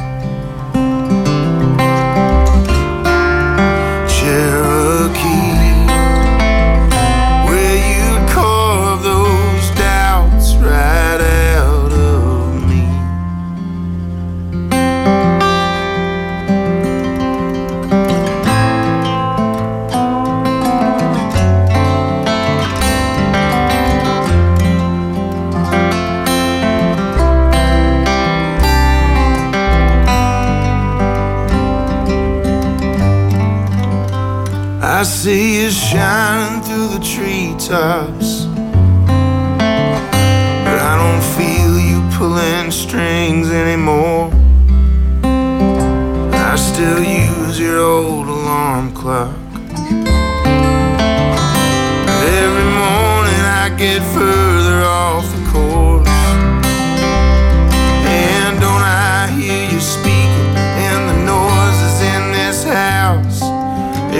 Airplanes flying over, shaking all my secrets out. But darling, tell me something I don't already know. I'm aware of where to find you. It hurts too bad to go to. Cherokee,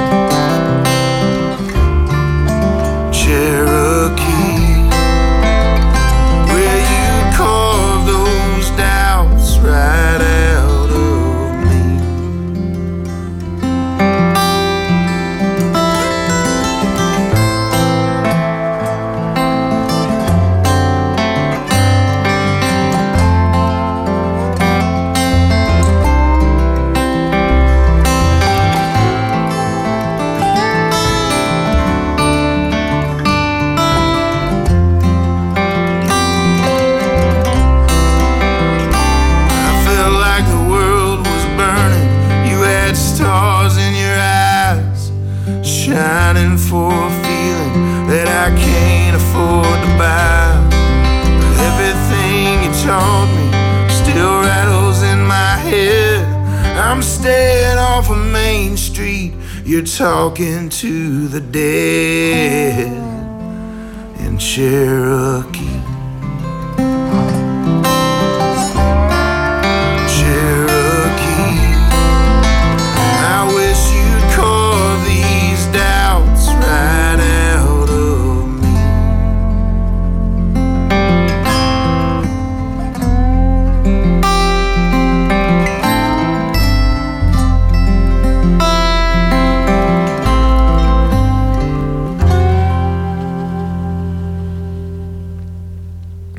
Uit Tulsa, Oklahoma, John Morland met het nummer Cherokee. Nooit meer slapen. Harry Musquet werd een eh, legende met de Drentse band QB en The Blizzards. Grote hits hebben ze gehad. Simple Man, Too Blind to See, Hotel Grollo. Allemaal uit de jaren 60 en 70. In Assen opende in het Drents tentoonstelling, eh Drents Museum gisteren een tentoonstelling Windows of My Eyes, helemaal gewijd aan Harry Musquet. En ehm, hij zou dit jaar 75 zijn geworden. We gaan luisteren naar eh, een van de mensen die hem bewonderden, namelijk Huub van der Lubbe onder andere, in een reportage van Tjitske Mussen.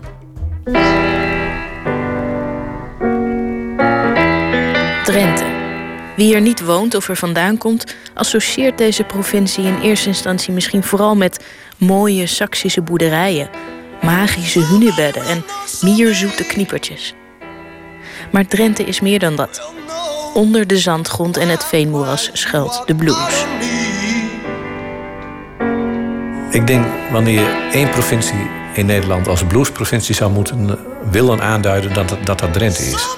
Dit is Albert Haar, halverwege de 60, bluesliefhebber en QB en de Blizzards fan. Hij stelde de tentoonstelling in het Drents Museum samen. Foto's, platenhoezen, gouden platen. Voor de fans is het hier een walhalla. Naast de affiches heb je daar alle de, de, de, de albums van, eh, van Harry. Albert Haar had samen met Harry Musquet 20 jaar lang een bluesprogramma bij RTV Drenthe. Samen reisden ze naar de Mississippi-delta op zoek naar de wortels van de blues. Toen zei hij ook van, hier voel ik wat ik in Drenthe ook voel. En ja, ik zei, wat voel je dan? Ja, ja, dat is niet iets wat je makkelijk onder woorden kunt brengen. Want dat, op de een of andere manier zit dat binnenin je. En daar heb je een liedje voor nodig, een song voor nodig... om daar uitdrukking aan te geven. En dat, dat heeft hij gedaan, denk ik.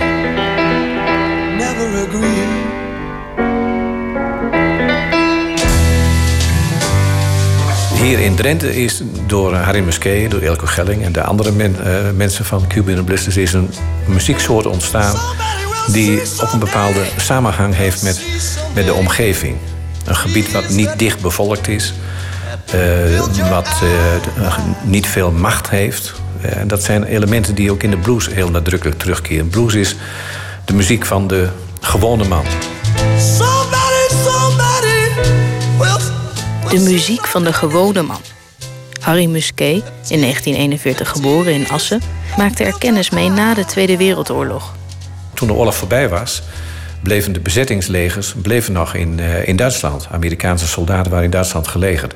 En die hadden hun eigen eh, eh, zenders, hun eigen muziekzenders. The Voice of America.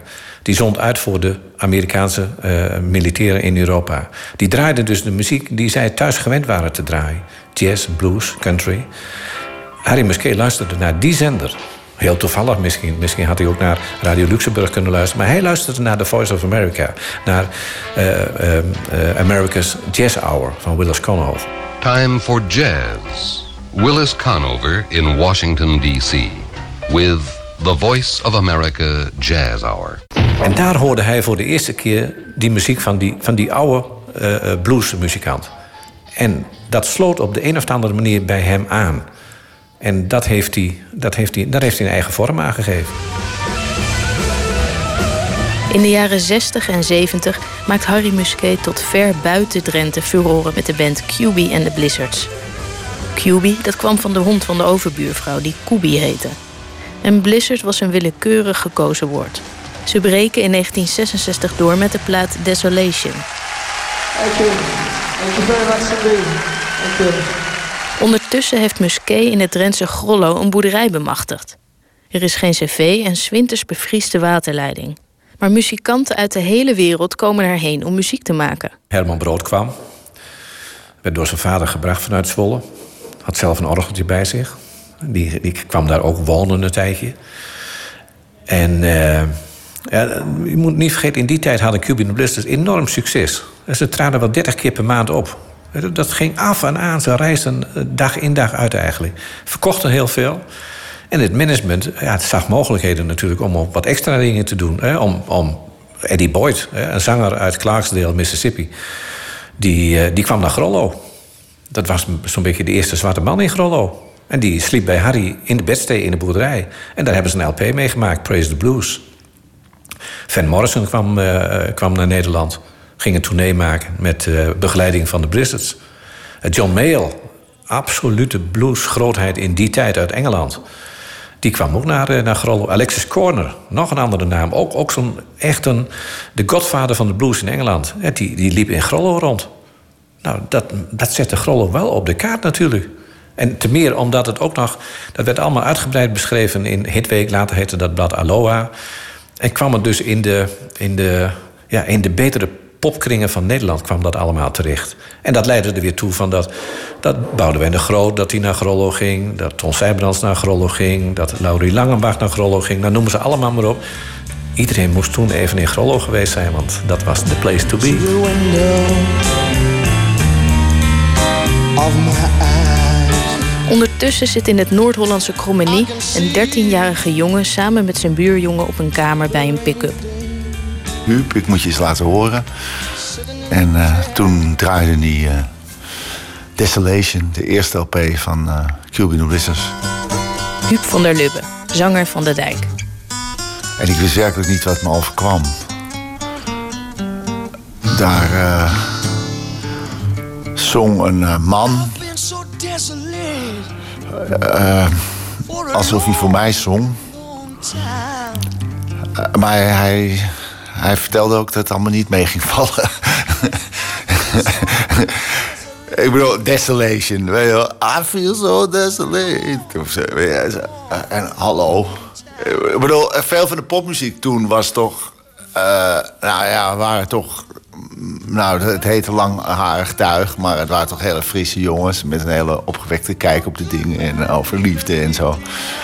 En eh, dit was een ander verhaal. En ik, ik moet zeggen, eh, mijn Engels was, eh, nou, eerste klas, tweede klas, lagere school, eh, middelbare school. En niet eens zo heel goed hoor, echt niet. Of helemaal niet zo goed. Dus ik snapte de echte helft niet voor ervan. Maar eh, dat is me altijd bijgebleven als, eh, nou, misschien wel het moment dat ik. eh, eh, mijn eh, onschuldige jeugdjaren achterliet. En eh, me realiseerde dat er eh, ook nog een andere wereld te wachten stond. Over mijn proefwerk schreef ik eh, voortaan niet meer Huub, maar Jubi.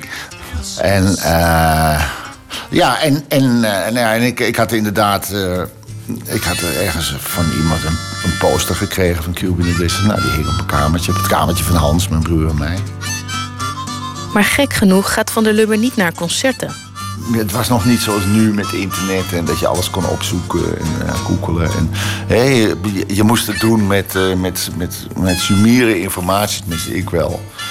Dus eh, ja, Drenthe, poeh, Groningen, of eh Grollo, nou, nou, nou.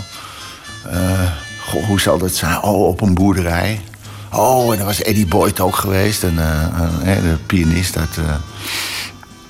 uit Amerika, nou, en, en die, oh, en, dan nou, daar slapen. En, nou, ja. Allemaal van die flarden waar je je eigen verhaal van maakte. En, eh, en ik voelde me zeer eh, content met, het, eh, met mijn eigen fantasie erover, weet je wel. Dus je hoeft hem niet te zien. Sterker nog, ik was gewoon een beetje bang om hem te zien. Ze ontmoeten elkaar pas jaren later. Als de dijk optreedt in een tv-programma en Harry Musquet er ook is. En toen bleek het eigenlijk ontzettend mee te vallen. Of eh, eh, eh, was het eigenlijk zoals ik hoopte. En ook een beetje wel zoals ik gedacht had dat het was. Van, het valt allemaal wel mee in het echt, weet je wel. Harry, was een hele aimabele man. En oh, hij mocht graag een verhaal vertellen. En hij vond het fijn als je, nou ja, als je daarin geïnteresseerd was. Musquet nodigt hem uit om naar Drenthe te komen. En daar heb ik toen even een eh, paar weken over na moeten denken. Van, zal ik, ja, moet ik dat nou doen? Weet je? Want daar kom je toch echt iemand in iemands eh, zijn huis. Want eh, dan, dan zou ik komen logeren. Weet je. Het, het heeft er ook mee te maken dat, dat je dan ook allemaal dingen ziet... die, nou ja, die niet bij het rock'n'roll plaatje of bij het blues plaatje horen, weet je wel. Ja, hoe smeert iemand zijn boterhammetje 's ochtends vroeg, weet je wel. Wil je dat zien? Maar toen zat ik, want daar heb ik daar lang over nagedacht. En ik dacht, ja, ik ben ook, ik ben ook een lul ook als ik dat niet doe. Dan ging ik naar Drenthe en, dan, ja, en dan zaten we te kletsen. Of dan gingen we wandelen of eh, samen fietsen. Ja, dat, dat stelde ik dan voor weer. Ja, je zo eentje, eentje fietsen. Dan keek ik me aan. Nou, toen gingen we fietsen, weet je. Nou, dat had hij... oh, dat is wel mooi. Door zijn eigen mooie Drentse land, weet je wel. Dat, dat, had hij geloof ik in geen 30 jaar gedaan. Dat was echt, echt heel grappig. Uh, hij had wortels daar. Uh, hij, hij, kwam daar vandaan en dat was iets om, om, om, trots op te zijn. Niet, niet, niet om dat van de daken te zeggen, maar gewoon om daarom waarachtig te kunnen zijn. En om je, je rug recht te houden. En, en, en je vooral niks aan te trekken van modieuze flauwekul. Want uh, daar had hij echt uh, schurftig hekel aan. Hij zei altijd, be your own man. Be your own man. Know? Sta voor jezelf. Dat, dat, heb ik ook wel van hem geleerd, zou je kunnen zeggen. Tenminste, dat is er, hoop ik, van het begin af aan... omdat ik hem waardeerde en zo hoog had zitten en fan was... heb ik dat altijd ook wel, ja, mijn eigen gemaakt. Van, hoop ik. Om me daarin niet je oren te laten hangen naar trends of naar wat op dat moment gewild is of wat de fans willen horen. Nee, je moet je eigen koers varen.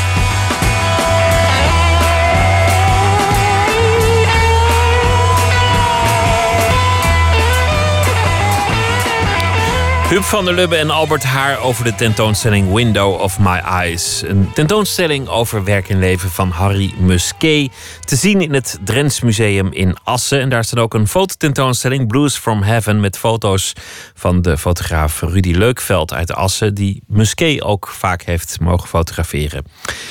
Ze was lerares Nederlands in Utrecht. Ze zette haar baan opzij voor een loopbaan in de muziek. Binnenkort een derde album, waarvan nu alvast een nummer. Hier is Afke Romein met Park Transwijk. En ik wist meteen, ik wil zwemmen in jouw hoofd tot vijf uur. Daarna zien we wel weer verder. En wist. Op de vensterbank achter jouw ogen. Sanseveria's en een dekentje voor mij.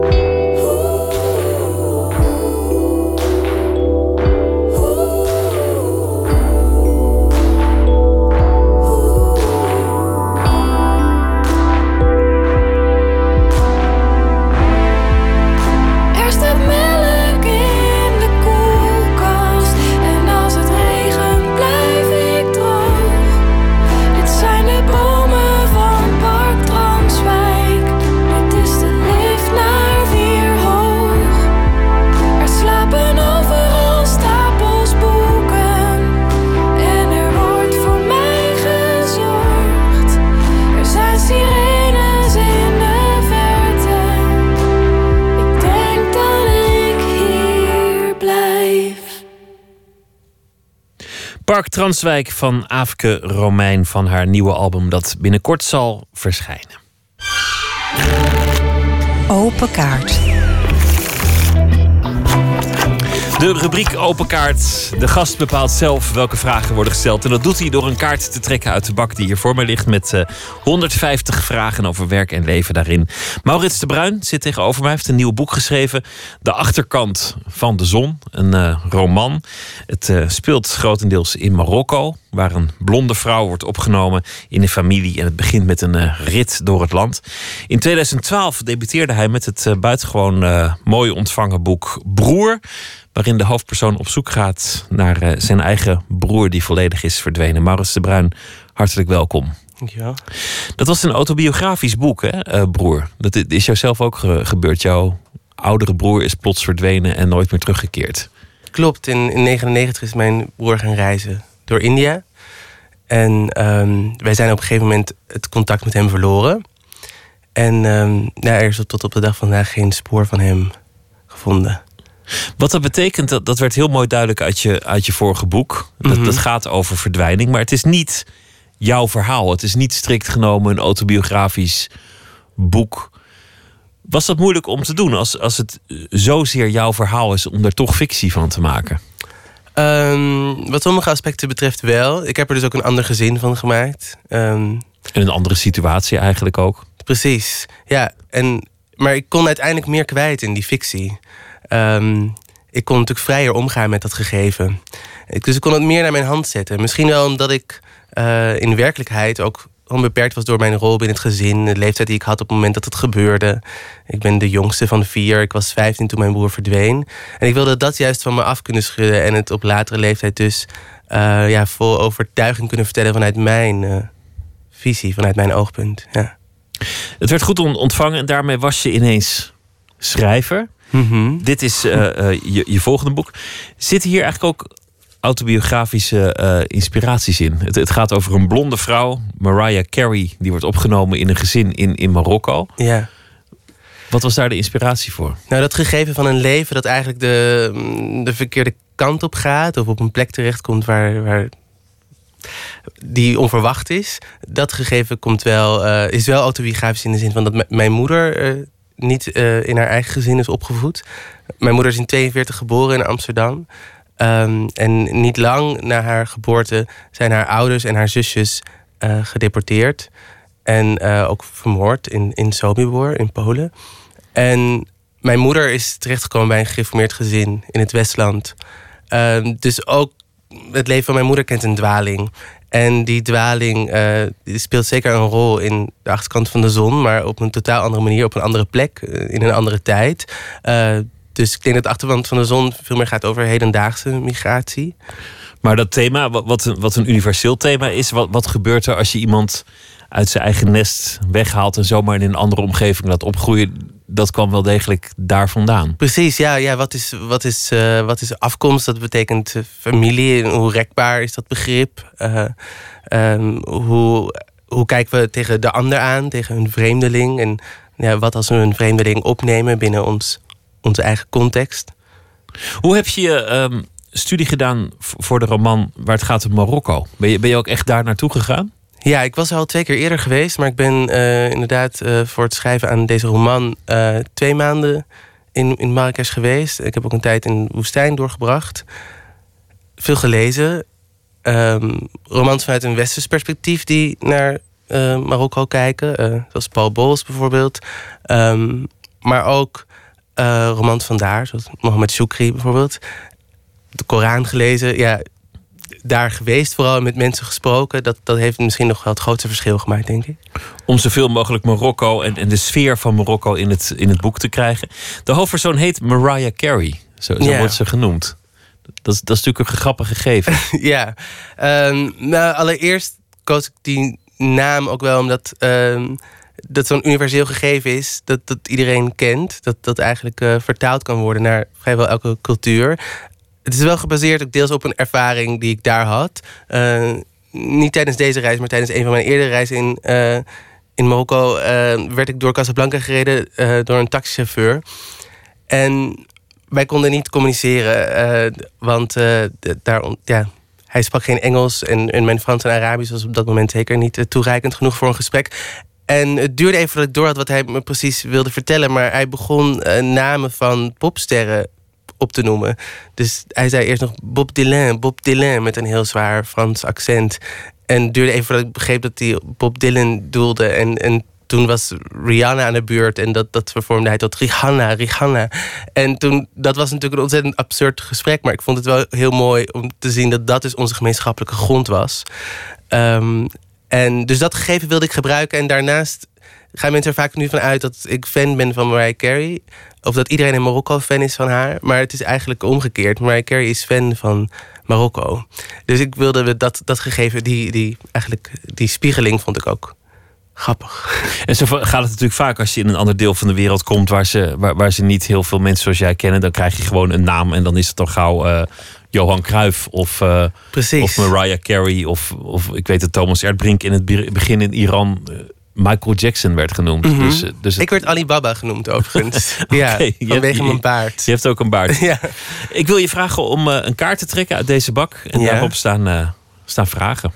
Het voelt alsof er iets te winnen is door deze. Er is helemaal niks te winnen. Helemaal niks te eens. winnen. Oh.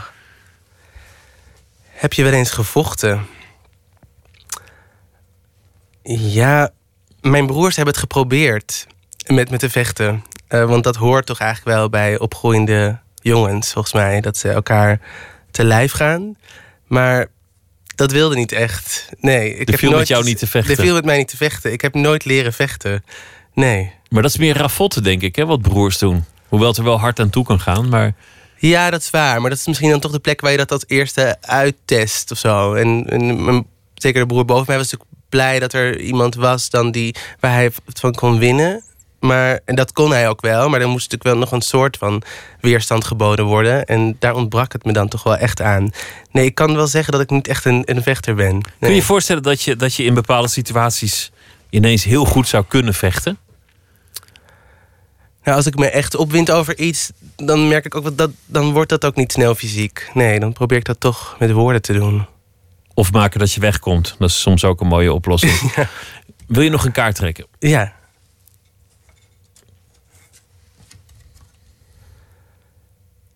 Wat is je dierbaarste bezit? Ik prijs mezelf er altijd om dat ik niet eh, geef om materiële zaken. Ehm, maar ik bezit wel iets moois. Ja, eh, dat is een ketting die van mijn grootmoeder is geweest. En dat is dus niet mijn biologische grootmoeder, maar de vrouw die mijn moeder heeft opgevoed. En dat is een. ehm, een er zit een glazen hanger aan die ketting en daarin zit een zeepaardje. Een echt zeepaardje, die zit gevangen daarin. En ja, dat vind ik heel mooi, omdat het juist ook omdat het dat beestje suggereert een soort van beweging, maar is heel duidelijk vastgeklemd in die hanger. En dat is natuurlijk eigenlijk ook wat, eh, wat zo'n herinnering is. Dus ja, ik zie, het is meteen ook hetgeen waardoor ik mijn grootmoeder voor me zie en eh, alles terugkomt natuurlijk. Ja, ik heb een tijdje gedragen, maar hij is dus te dierbaar om te dragen, heb ik besloten. Dus dan zal dat wel mijn dierbaarste bezit zijn. Uiteindelijk is dat eh, na het verhaal van jouw moeder echt ook jouw familie geworden. Dat, dat voelt ook vo- volledig geborgen. Je, je hebt nooit het idee gehad, om, omdat dat je moeder in dat gezin terecht is gekomen, van ik heb ergens nog een, een, een andere familie. Nee, nee, dat heb ik nooit gehad.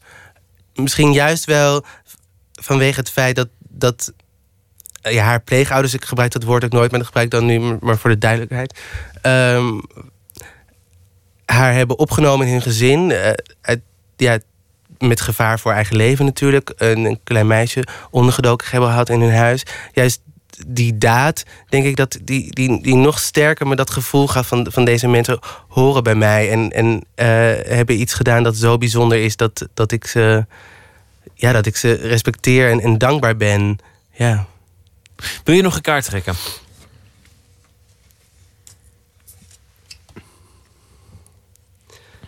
Van welke collega zou je nog wat kunnen leren?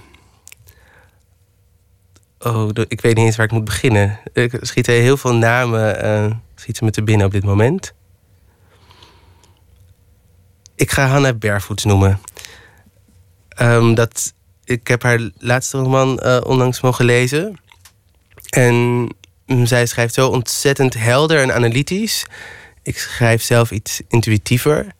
Ehm, en ik denk dat dat helder en, en intuïtief en ook het, de enorme research die ze in haar werk stopt, zonder dat het een roman, eh, dat het daar te veel gewicht op drukt, dat bewonder ik enorm. Dus dat zou ik absoluut kunnen leren van haar. Het is interessant dat je iemand van je eigen generatie noemt. Dat, dat je niet. eh, vaak noemen, noemen mensen van, van jouw generatie, zeg maar. Jij, jij bent van 84, noemen dan een van de oude Mhm. meesters. Een, een, een of een Reven of een Wolkers. Maar Ja. jij kiest iemand min of meer van je eigen leeftijd. Ja, dat komt misschien ook, dat wordt misschien ook getriggerd door het woord collega. Omdat ik eh de auteurs Mulisch die- niet als een collega beschouwd. Nee. Nee, hij is ook dood. Dus ja. ja, precies. Dan, dan, ja, dan, dan zou ik toch voor- eerder gaan voor iemand die ik zie als mijn, als mijn gelijke. Als iemand. Ja, en ik kan me absoluut optrekken aan collega-schrijvers van, van mijn leeftijd. Ja. Als je schrijft over, over Marokko, dan. Je noemde al Paul Bowles, en zo zijn er meer. Mhm. Dan kom je ook literair in een ontzettend rijke omgeving terecht. Er zijn Ja. ontzettend veel schrijvers. Marokkanen allereerst natuurlijk, Mhm. maar ook Amerikanen, eh, Fransen, noem maar op, die, die daar hun romansen hebben zich laten afspelen. Ja. In Algerije en Marokko. Precies. Was je daarmee bezig? Eh, ja, ik heb daar wel veel aan gehad, juist westerse auteurs, omdat ik me er al door wel van bewust was dat ik natuurlijk schrijf vanuit westers perspectief. Dus het was mijn streven om me te verplaatsen in de ander. En de ander was dan in die zin mijn verteller, Sofian. En hij is nou eenmaal een Marokkaanse jongen. En daar had ik heel bewust voor gekozen. Maar ik realiseerde me wel dat ik ook beperkt ben eh, in een manier waarop. Ja, tot in hoeverre ik me kan verplaatsen in die cultuur. En ik denk dat ook juist eh, die kwetsbaarheid van dat beperkt zijn hoort ook bij het boek. Het pro- probeer in die zin geen. geen eh, probeerde ik geen sluitend antwoord te geven op die vraag. Van dat het me helemaal moest lukken om me volledig te verliezen in die wereld. Het was natuurlijk het streven. Maar ik denk dat het juist de schoonheid ook in dat streven zit. Wil je nog een kaart trekken? Ja.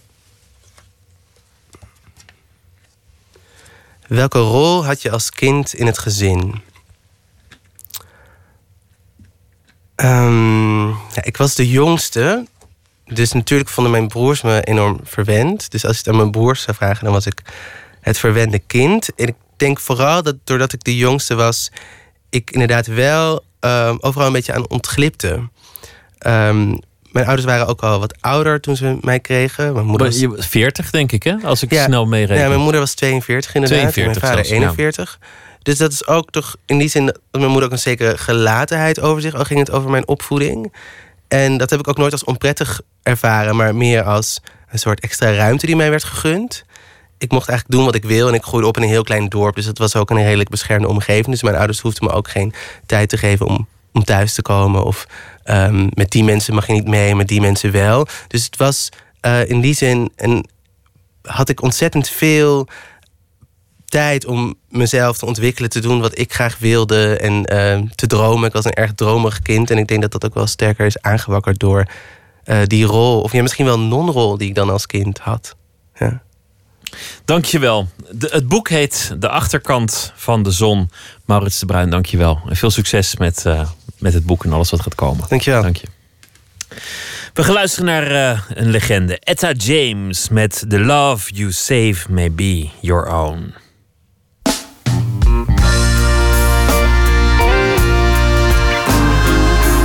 I'm talking to all the lovers in the house tonight. Now listen.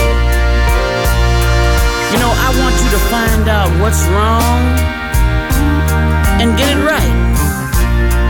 Or you should leave love alone. Because the love you save, it might be your own.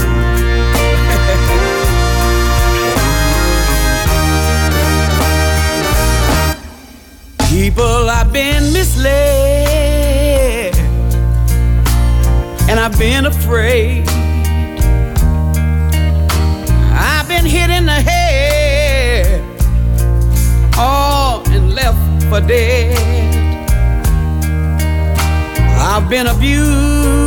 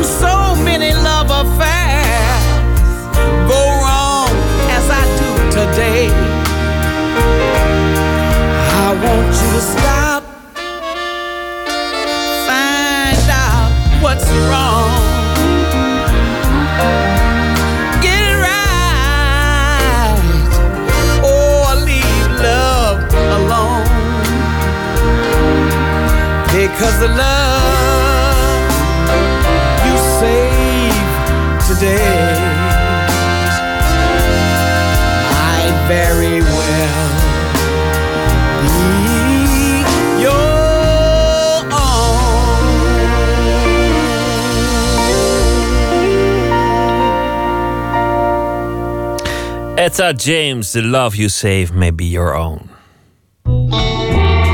Nooit meer slapen. Vanmiddag was er in Pakhuis De Zwijger in Amsterdam een bijeenkomst voor mensen werkzaam in de muziekwereld. Om te praten hoe je als muzikant nog de boterham kunt verdienen.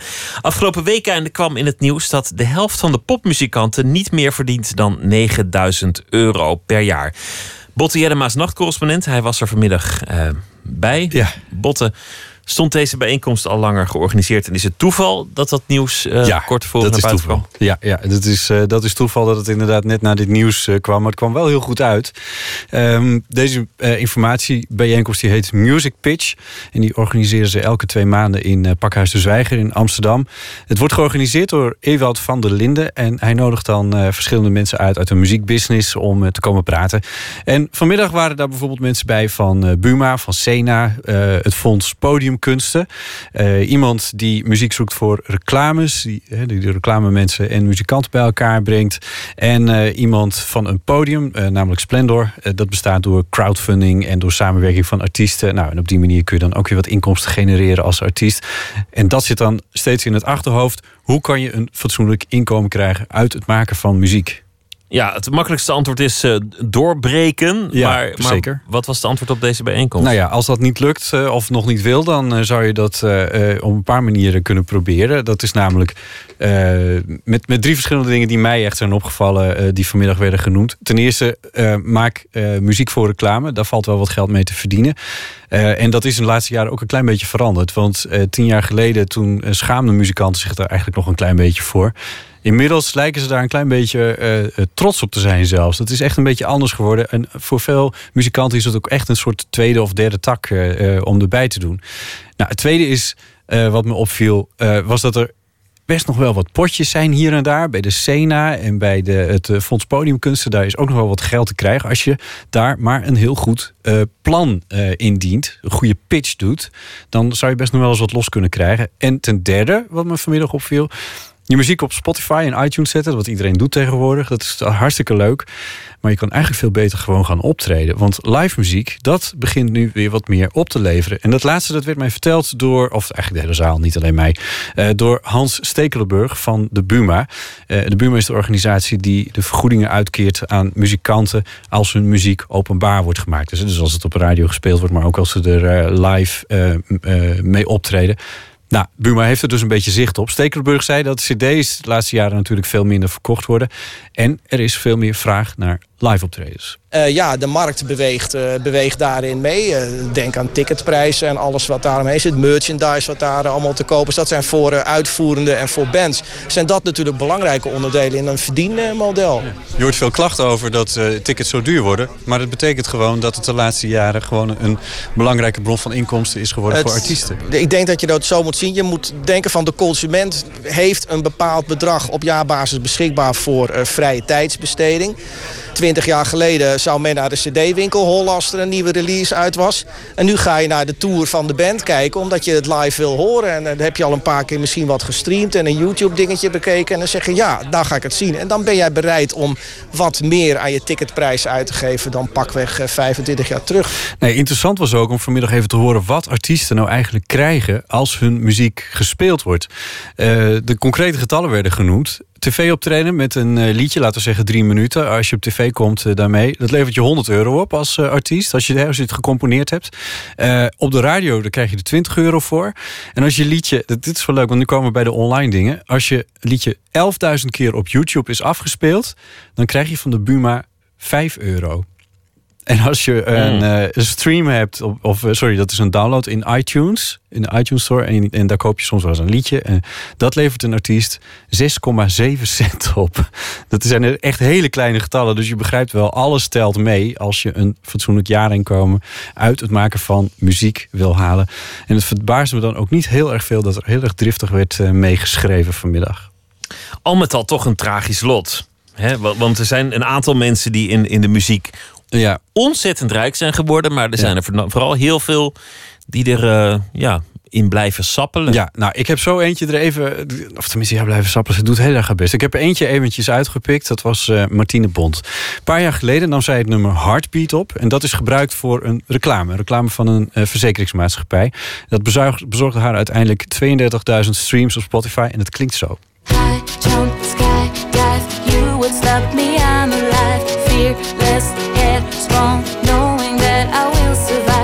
Nou, Martine is ambitieus. Ze heeft al twee albums uitgebracht. Mocht al eens bij de Wereld Draait Door aanschuiven. En maakt dus ook muziek voor commercials. Dus je zou zeggen, zij zit wel gebakken. Ja, dat, dat is dus niet zo. En het heeft natuurlijk ook te maken met de kwaliteit van de muziek. Maar ehm, ja, er is, er is gewoon zoveel muziek. Weet je, mensen worden ermee doodgegooid. En het is gewoon moeilijk, denk ik, om, eh, ja, om je weg te vinden. Want je staat in een kaaswinkel. Ik sta op dit moment in een kaaswinkel, ja. nou, het is op zich is een leuk baantje. Maar eh, ja, er gaat zoveel tijd verloren, hè. Wat je veel beter kan besteden. Aan muziek maken bijvoorbeeld. Wat van wat je hier hebt gehoord zeg je van... hé, hey, daar moet ik eens even achteraan. Sowieso ehm, de Buma Stemra, dat je gewoon alles aanmeldt en dat je dat niet laat liggen. Want als we dat zo hebben gezien, je kan er best nog wel eh, wat geld mee verdienen. En ik denk dat veel artiesten ook gewoon zoiets, die houden zich niet bezig met, met dat gedeelte, maar gewoon lekker met spelen en muziek maken. Dat is ook een beetje mijn makken. Maar je moet dat juist wel doen. Ja, en dat is een, een fundamenteel punt. Want er zijn ook artiesten die een paar keer een hit hebben gehad en daar best aardig aan hadden kunnen verdienen, maar die dachten: ach, ik ben muzikant, laat iemand anders de zakelijke kant maar doen. Ja, ja. En, en daar kan je nog steeds in de muziekbusiness lelijk eh, mee onderuit gaan. Ja, het verbaast me ook niet dat ze daarover over begonnen bij eh, deze bijeenkomst. Van regel je zaakjes eh, gewoon goed. Ehm, de laatste jaren is natuurlijk alles ook heel veel zakelijker geworden. Maar eigenlijk is het ook wel weer een klein beetje gek dat we het hier nu over hebben. Want we hebben nu heel veel van die popopleidingen in. eh, bijna elk conservatorium heeft wel een, eh, een na- naast een jazzopleiding tegenwoordig ook een popopleiding. Eh, en al, wa- waar die opleidingen zich voortdurend op laten voorstaan, is dat, dat, dat muzikanten hun zaken goed voor elkaar hebben. Dus ik vond het eigenlijk een beetje gek dat ze, dat, dat hier nog zo de nadruk kreeg. Die opleidingen die waren hier trouwens vanmiddag niet bij. Dus dat is dan ook nog weer opvallend. Ik kreeg overigens wel het idee dat sommige aanwezigen de zaal wel eh, optimistisch eh, verlieten. Bijvoorbeeld, ik wil je nog even laten horen, twee jongens van een hip-hop act die hun pitch wilden verbeteren. Want, zo hadden ze gehoord, eh Mr. Polska die had een flinke subsidie van het Fonds Podiumkunsten binnen weten te slepen. Als je een goede pitch hebt, dan krijg je geld. Nou, maar ja, zo moet je niet zien. Dan, dan worden naar je, naar je toegekeken. Vroeger had je scouts gaan, gaan naar je zoeken en zo. Nu moet je je pitch uit, juist op de goede angle zetten. Zon komt schijnen en dan ziet iemand en dan hoor je... Ja, en dan, dan kan er iets gebeuren. En dat merk je nu heel erg in de, deze eh, ja, music pitch. Ja. Ook eh, om te horen van eh, hoe bepaalde mensen groot zijn geworden. Weet je, ik, dat, de informatie over Dat is eh, hartstikke leuk. Eh, 25.000 euro. ja, Hoort je bij het eh, Fonds Podiumkunsten. ja, ja, ja, ja. Leuke dingen mee doen. Ja, maar dat, dat, is het ook. Soms heb je ook gewoon een, een, een, een, iemand, een muse nodig om, om verder te gaan door het leven. En dat zijn muzikanten.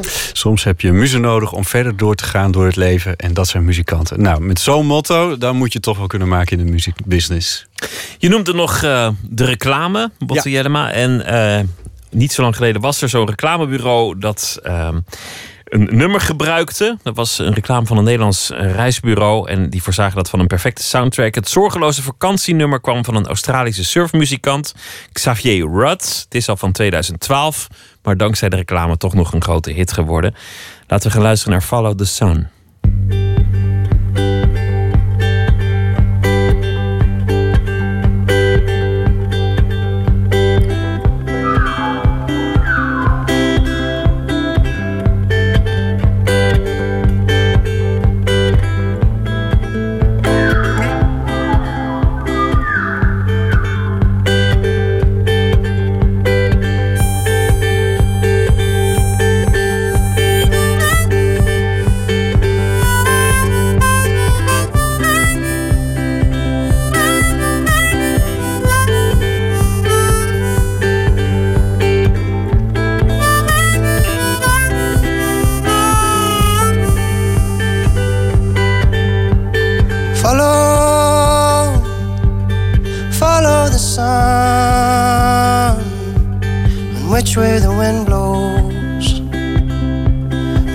Day is done. Breathe, breathe in the air, set your intentions, dream with care. Tomorrow's a new day for everyone. Brand new moon sun.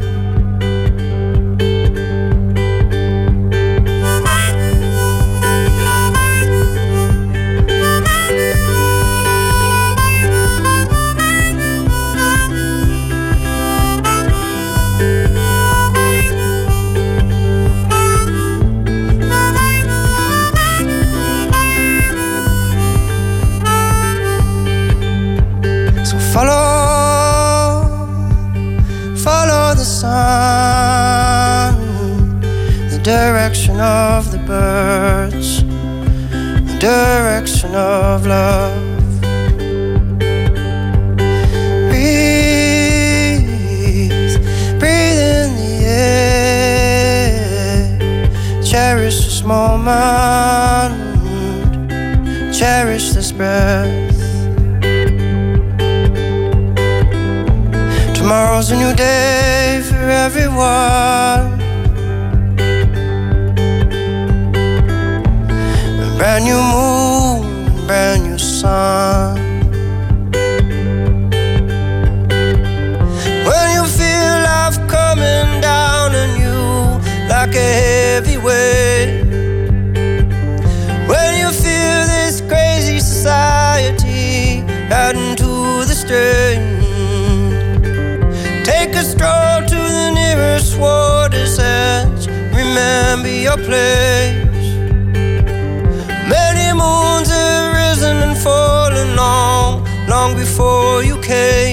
So which way is the wind blowing? And what does your heart say?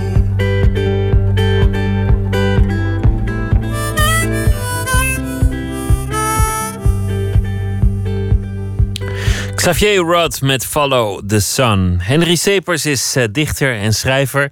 Hij debuteerde in 2009 als dichter met de bundel Bayard. Heeft meerdere bundels geschreven. Het eerste gedicht eh, dat hij deze week zal selecteren, want hij zal elke nacht de uitzending afsluiten met een gedicht, is van een Zuid-Afrikaanse schrijver en dichter Brighton Brighton Bach. En de titel is Pijn en Vleugels.